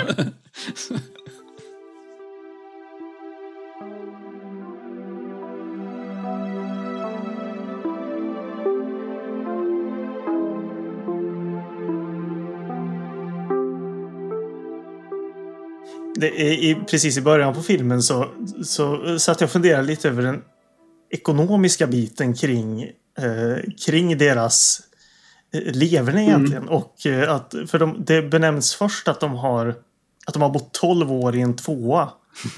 eh, och då tänkte jag säga, ja, men alltså bostadsmarknaden, det var klart att den var hård då, men var den så hård verkligen? Jag menar, han jobbar ju ändå på, på liksom som någon slags... Ah, Tv-producent är han ju inte. Nej, men han jobbar ju på men han TV. jobbar inom TV Ja. liksom. Ja, precis. Och sen så benämnde de att de bodde på Götgatan och det är ändå, det är ju ett väldigt, det är ju på Götgatan liksom. Och då tänkte jag så här, men Ja, det vänta nu, kan har de inte bott... vara gratis att bo. Nej, alltså har de bott i 12 år i en tvåa på Götgatan? Och så här, varför, varför köpte de inte ett radhus i någon förort eller någonting? Liksom? Mm. Och, sen, och den här villan måste ju ha varit alltså, svindyr även fast den gick på exekutiv auktion. Mm. Ja. Eh, Jag såg att den låg i Spånga. Sen om den låg i Spånga i filmen eh, har jag ingen jag aning om. läste en annan text där det står Solna, tror jag. Jag tror jag, jag tror jag läste Bromma. Ja, men ni ser den. Det, det, det gick ifrån spontant känns som att det gick från billigast till dyrast. Så- Eh, men det, men det, det var så här en kort stund tänkte jag, men vänta nu, hur, hur går det? Och sen så nämner de att de har varit ute och seglat i flera veckor. Ja. Liksom. Ja, det. Eh, resten av familjen. Det gör ju inte mannen på gatan. Nej. Nej. Eh, så det, det, det finns det är en ekonomisk historia här som inte går ihop. Men längre än så kommer jag inte. Det känns ju spontant som att den där seglatsen borde ha kostat mer än det där ruttna huset. Ja, de- om de har en segelbåt de kan vara ute med och sådär. Liksom. Det, ja, nej, det, det är något som inte stämmer här. Jag ifrågasätter också den här premissen med att eh, familjen kommer hem och han har gått och köpt ett hus som Ja. överraskning. Och att frun skulle reagera på det som att bara bli glad och lycklig. Liksom. Ja, ja, kolla, här ska vi bo. Jag har köpt ett hus utan att... Ja, sen säger han ju Berätta vi har köpt ett hus. Och det är så här, Ja, har, vi har han förfalskat Ja. hennes namnteckning då? och tagit lån i hennes namn? ja precis. Ja, nej, men det är jävligt många detaljer och det är väl typiskt en sån här, ja men i alla fall i det stora hela lättsam komedi att man, man slänger... Ja, nej, men det är klart. Det, det, var, det, var, det var en liten tankelek jag sysslade med bara. Ja, men, när jag, när jag det är ändå kolla. väsentlig tankelek. Men det, för det är så typiskt i många komedier att man slänger ur sig en jäkla massa detaljer som egentligen är helt orimliga eller motsägelsefulla. Ja, men det är sant. Det är ju sant. Kommer du ihåg när vi snackade om Pacific Heights, Jonathan? Att, att eh, vi tyckte det var så osannolikt att det skulle vara så jävla svårt att få, få ut en hyresgäst eh, ur bostaden som varken har betalat hyra och som dessutom missköter sig. Eh, Mm, från det att de överhuvudtaget kommer in i huset. Liksom. Eh, och jag sa det att jag var så otroligt nära inför inspelningen av det avsnittet att börja göra efterforskningar kring liksom, bostadsmarknaden och, och hyresavtal i, i Ja. Liksom, eh, vad var det, 1990-talets San Francisco för att se hur, Mm. hur troligt det är att den här eh, handlingen faktiskt skulle kunna ha eh, haft någon slags verklighetsförankring. Eh, jag tänker lite samma sak kring din synpunkt här. Att man så här, Ja, men det, exakt. det är intressant och samtidigt så det är väl inte tillräckligt intressant för att man faktiskt skulle vilja gå till botten. Nej, nej, men precis. Ja, man vet inte. Men, men det är ju kul att du tar upp det för en, en annan kul koppling till Pacific Heights är ju som vi pratade om där att, att det verkar gå så otroligt snabbt för dem att renovera det här huset. Ja, Här så får man ju raka motsatsen till det för när man får se de här få bitarna när man får se Björn Skifs själv försöka göra någonting. Han är ju oduglig alltså. Ja, Han ska, han ska limma upp en bräda och det är som att han brer en smörgås med lim. Liksom. Han geggar så in i bomben. Så, men det finns väl ingen människa som gör sådär? Eh, och det där faktiskt har jag stört mig ända på, eh, liksom på ända sedan jag var liten. Att bara för att han blir kompis med, med Ernst då, så blir han inte automatiskt duktig på att- syssla med hantverk. Eh, Men vips så har de implementerat liksom en halv båtkyrkogård professionellt och snyggt i det här Ja. Mm. dessutom helt sönderrivna huset eftersom de där byggjobbarna har ju liksom mätt allting. Ja, precis. ja. Det var ju någon eh, recensent som eh, tog upp precis det och jag är benägen att hålla med att det, det mest liksom, orimliga eller eh, mest ologiska i den här filmen är hur Göran då går från att vara liksom, den mest inkompetenta hantverkaren i världshistorien till att ja, men, göra om hela det här huset till någon slags båtreplika inomhus. eh, och börja så här, bygga, gillra väldigt intrikata fällor för de här skurkarna som, som kommer. Och, och det är ju sant, alltså, det är ju helt, det är helt oförenligt med den karaktären Ja. och vad man har sett av honom tidigare i filmer. Plötsligt så är det som att han, han bara fattar grejen med hantverk. Ja, verkligen också. Mm. För En av mina favoritscener är när han är nere i källaren ihop med, med Lars Ekborg, rörmokaren, och, och tycker han har gjort ett kanonjobb. Och sen har han hållit hela ritningen upp och ner. Så han har, han har brutit sönder och reparerat fel rör. Stort jävla hål i väggen. Ja, och så bara, nej. Jo. Med, med det sagt så är ju allt det här väldigt härligt och väldigt roligt. Ska ju sägas. Så det, det är ju det är ju väldigt bra gjort på så sätt. Ja, Men jag tycker alltid man märker det när man pratar om den här filmen att, att eh, det är många av de här scenerna som har satt sig. Liksom. Många repliker Mm. som har satt sig. Eh, sen kan man diskutera hur, hur bra den är som film betraktat. För den är ju Mm. väldigt osammanhängande och sådär. Men ja. Eh, eller det, det är väldigt tvära kast. Men jag vet inte, alltså det, det kan vara eh, liksom ren nostalgi, eh, nostalgisk kärlek eh, som jag har till den här filmen. Men jag tycker, för mig så spelar det ingen roll att den har den, de tvära kasten. Det är nästan som att jag upplever det som en fördel av någon anledning. Ja, jag tänkte säga, jag köper det för att varje sån här sketch som filmen mer eller mindre är uppbyggd av, att varje sån sketch är så jäkla bra ändå. Mm. Så ja, det gör inget att det är en hoper sketcher för att det är ett nöje att se dem allihop ändå. Mm. Så ja, precis, det kanske inte är en höjdarfilm som helhet men det är ju ändå en kanonkul upplevelse att, att, att se den. Sen kanske man behöver sätta sig ner och se den lite förutsättningslöst. Men man får ju något ut utav den. Jag har ju sett, man har ju sett väldigt många sämre filmer än så här, definitivt. Har framförallt väldigt många komedier som inte ens är i närheten av lika roliga som Drömkåken. Ja. Mm. Jag får inte glömma Johan Rabaeus och hans, eh, hans eh, flickvän där, spelad av Anna-Lena Hemström. Också, de är, Så jäkla korkat! ja, hon ska ersätta då eh, Göran som... Eh, han jobbar som... Eh, Han skriver ju frågor till det här programmet. Det är ju där det dyker upp lite kändis-cameos också. Jag kommer inte ihåg om det var ett riktigt program eller om det är något de har hittat på för den här filmen. Men Ja, det är ett påhittat program som liknar Jeopardy va? mm, just det. ja, det, precis. Svar på tal heter det enligt IMDB. Just det. Han skriver ju frågor dit. Ja. Och sen så ska Johan Rabaeus, då, hans chef, ersätta honom med sin flickvän. Mm. För att få mer kvinnlig prägel på programmet. Precis. Och sen i slutet av filmen så ser man att de sitter och kollar på något avsnitt och hon har skrivit frågorna och en av frågorna som programledaren ställer är vilken författare har skrivit de bästa böckerna? Ja, just det. Min favorit med han det är väl när han och Björn Skifs har just ha, har haft den här diskussionen och han säger liksom har jag fått sparken? Och, och han, Johan Rabaeus karaktär då tar det som en förolämpning mot honom. Han menar att så elak skulle han aldrig vara. Han är liksom, nej men det, det, det är en typ av ett avsked men du har ju inte fått sparken. Och så bara, du har sårat mig djupt. Här! Och så slår han sig själv för bröstet och är liksom så jävla dramatiskt.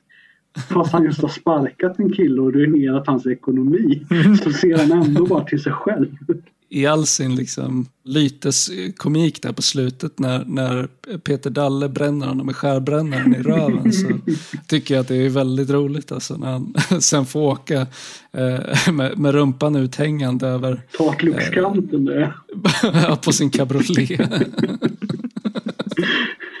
Hon springer väl till början efter hans fru och blåser. Vad jag för mig. Ja, men Martin! Ja, precis. Det är pinsamt att du har bränt sönder brallor. Jag bryr mig inte om att ha tredje, bränn, tredje gradens brännskada i arslet. Utan Precis. det är lite pinsam. Det är också en jävligt lustig detalj att eh, Peter Daller går runt med den här lilla skärbrännaren hela Ja. tiden. Det är hans liksom weapon of choice. En, Jag och de andra skurkarna eh, har väl inget sånt weapon of choice. Fille eh, då, eh, Johan Ulveson drar ju upp en, en motorsåg när han ska fightas med, med samurajen as known as Jan Malmsjö. Men eh, den hittar han väl på plats väl? jag tror det. Ja. Ja. För sen är det ju mer att han, han ska ju vara någon sorts gotisk eh, typ punk snubbe som jag uppfattar det. Va? Han har ju så här svartmålade naglar och ring i örat, lite halvlångt hår och, och, och kan en massa om satanism och satan. Och, Ja. Agatha Askela. Ja, precis.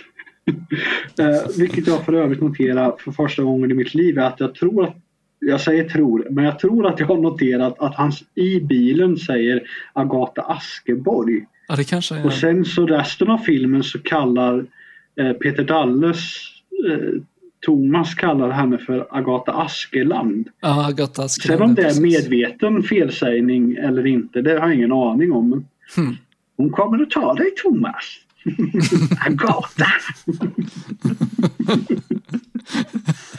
Ja, för, förväxlar henne med Lena Nyman sen där på slutet. Agatha Askeland.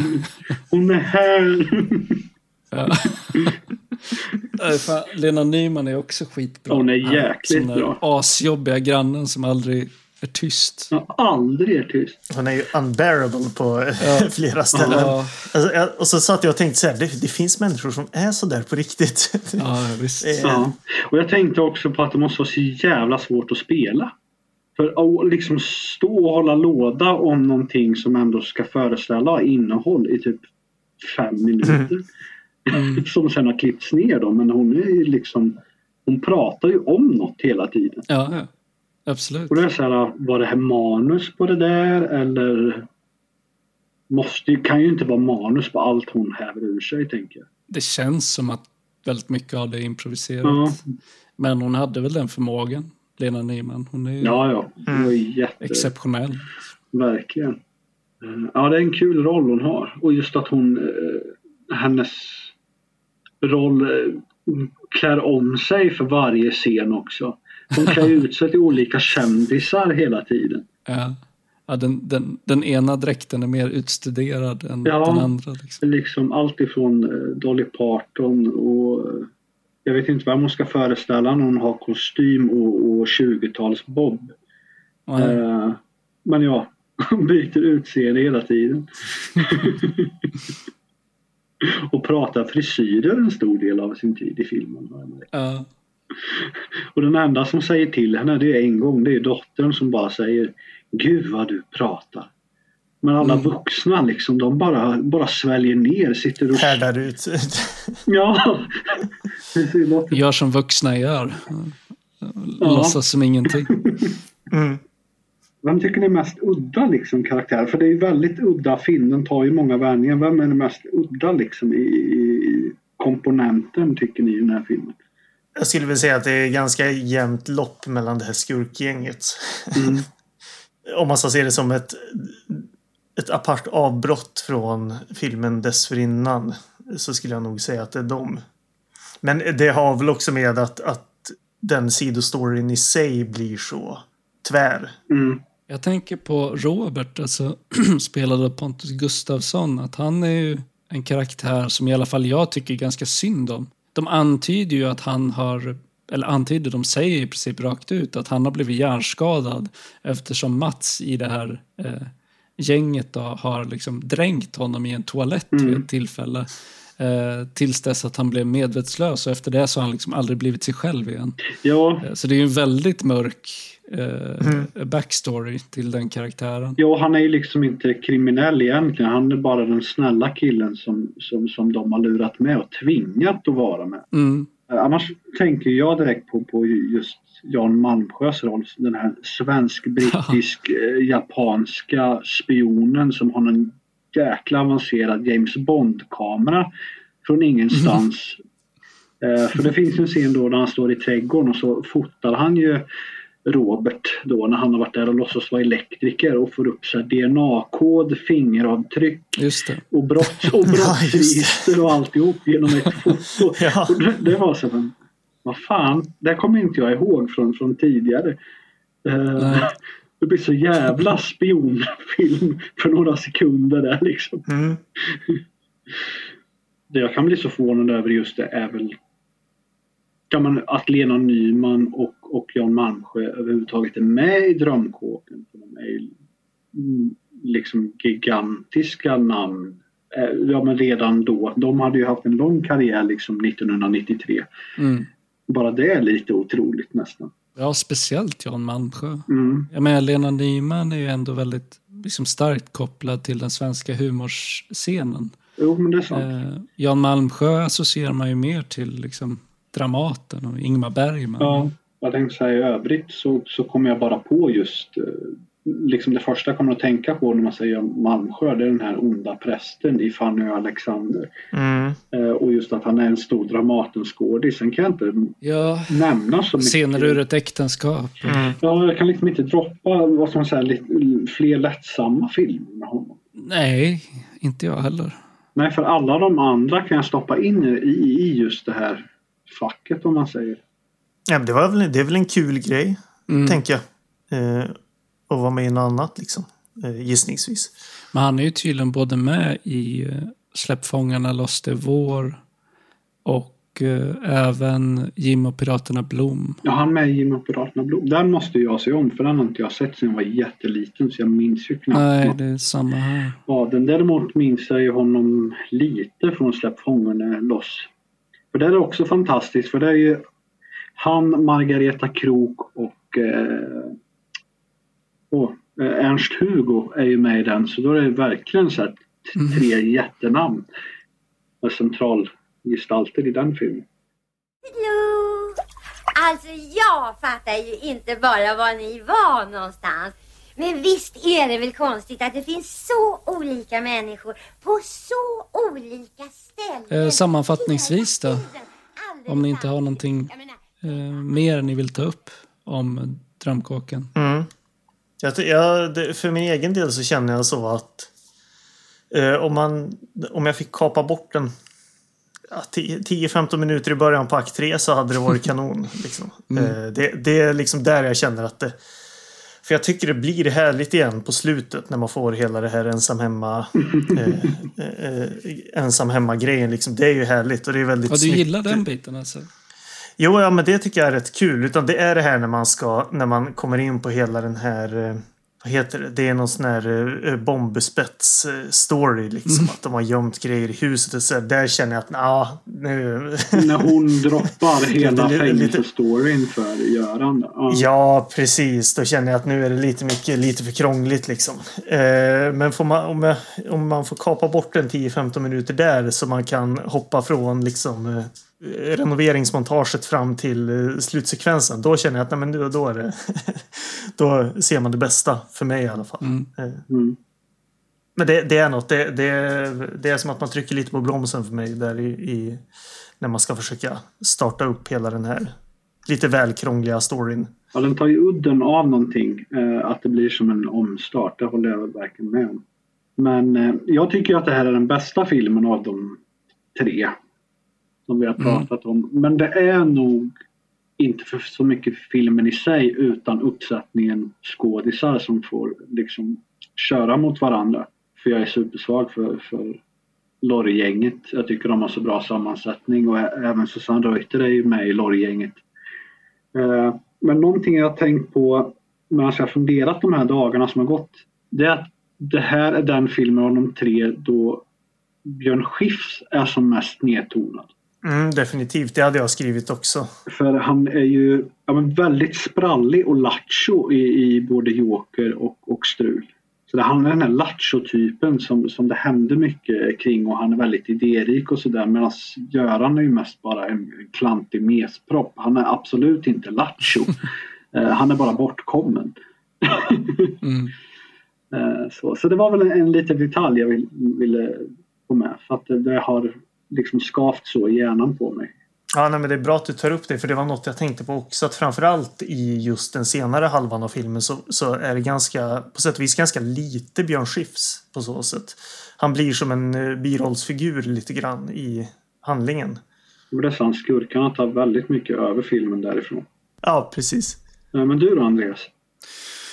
Eh, jag står väl och väger mellan om jag tycker att den här eller Strul är de fil filmen som är, som är bäst av de tre vi har pratat om. Uh, jag tror kanske att som film betraktat att jag tycker att, att Strul är bättre än Drömkåken. Och även när det kommer till eh, fotoregi och sådär, att Strul har någonting som är liksom i det svenska liksom filmindustrin eh, ganska speciellt. Ja, den är ju fullkomligt överlägsen grafiskt, absolut. Ja, men även eh, som berättelse betraktat att, att Struls eh, story bara är mer sammanhängande. Men däremot Drömkåken har väl många av de scener som jag ur ett eh, komedifilmsperspektiv sett tycker är roligast Mm. i de här tre filmerna. Ja, nej, men jag får nog... Jag får absolut... Jag får revidera mig där för jag håller ju med dig fullkomligt. eh, känner jag. Eh, ja, men det var en väldigt bra sammanfattning. Att, visst, jag kanske uppskattade det, det komiska uttrycket mest i Drömkåken. Men som film betraktat så är Strul mycket bättre. Absolut.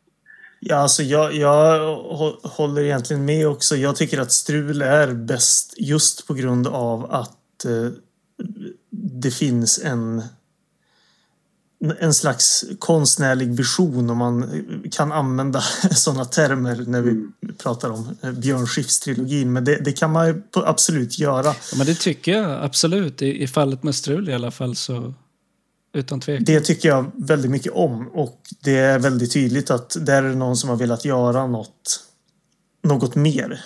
Men med det sagt så håller jag med om att ur ett eh, eh scener som har, har satt sig och det har väl för min del kanske mest också med att jag såg Drömkåken mycket som barn.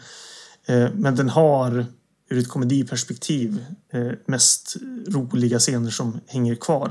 Men ur ett filmperspektiv så är det ju Strul för mig som är ganska överlägsen. Ja, de andra är ganska, vad ska man säga, du märker inte av regissören i, i de andra filmerna men där är det någonting helt unikt. Mm. Som du säger, det, där har det funnits en vision. Att man vill skapa någonting. Ja men att verkligen regissören har haft roligt när han har gjort den filmen och det, det syns hela vägen igenom. Medan de andra, det finns inget speciellt uttryck. Nej, precis. Det finns ju ett, ett, ett tempo liksom i Strul som, som man tycker om och som jag tror är eh, i mångt och mycket tack vare Jonas Frick som regisserade den. Ja, precis. Ja, på samma sätt som jag tycker så här, Tim Burton kan tala genom de filmer han regisserar så tycker jag att eh, en sån person som Frick också gör det. Du, han talar direkt till dig med hur han regisserar. Och den har ju definitivt eh, snyggaste affischen eller VHS-omslaget också. Ja, ja, precis. Det sträckte sig ända dit med att eh, man ville göra att det ser mer intressant ut helt enkelt. Ja, och den har ju hela det där, vad ska man säga, hela jävla liksom modet han fångar visuellt i filmen. Det, det du ser där på omslaget också. Mm.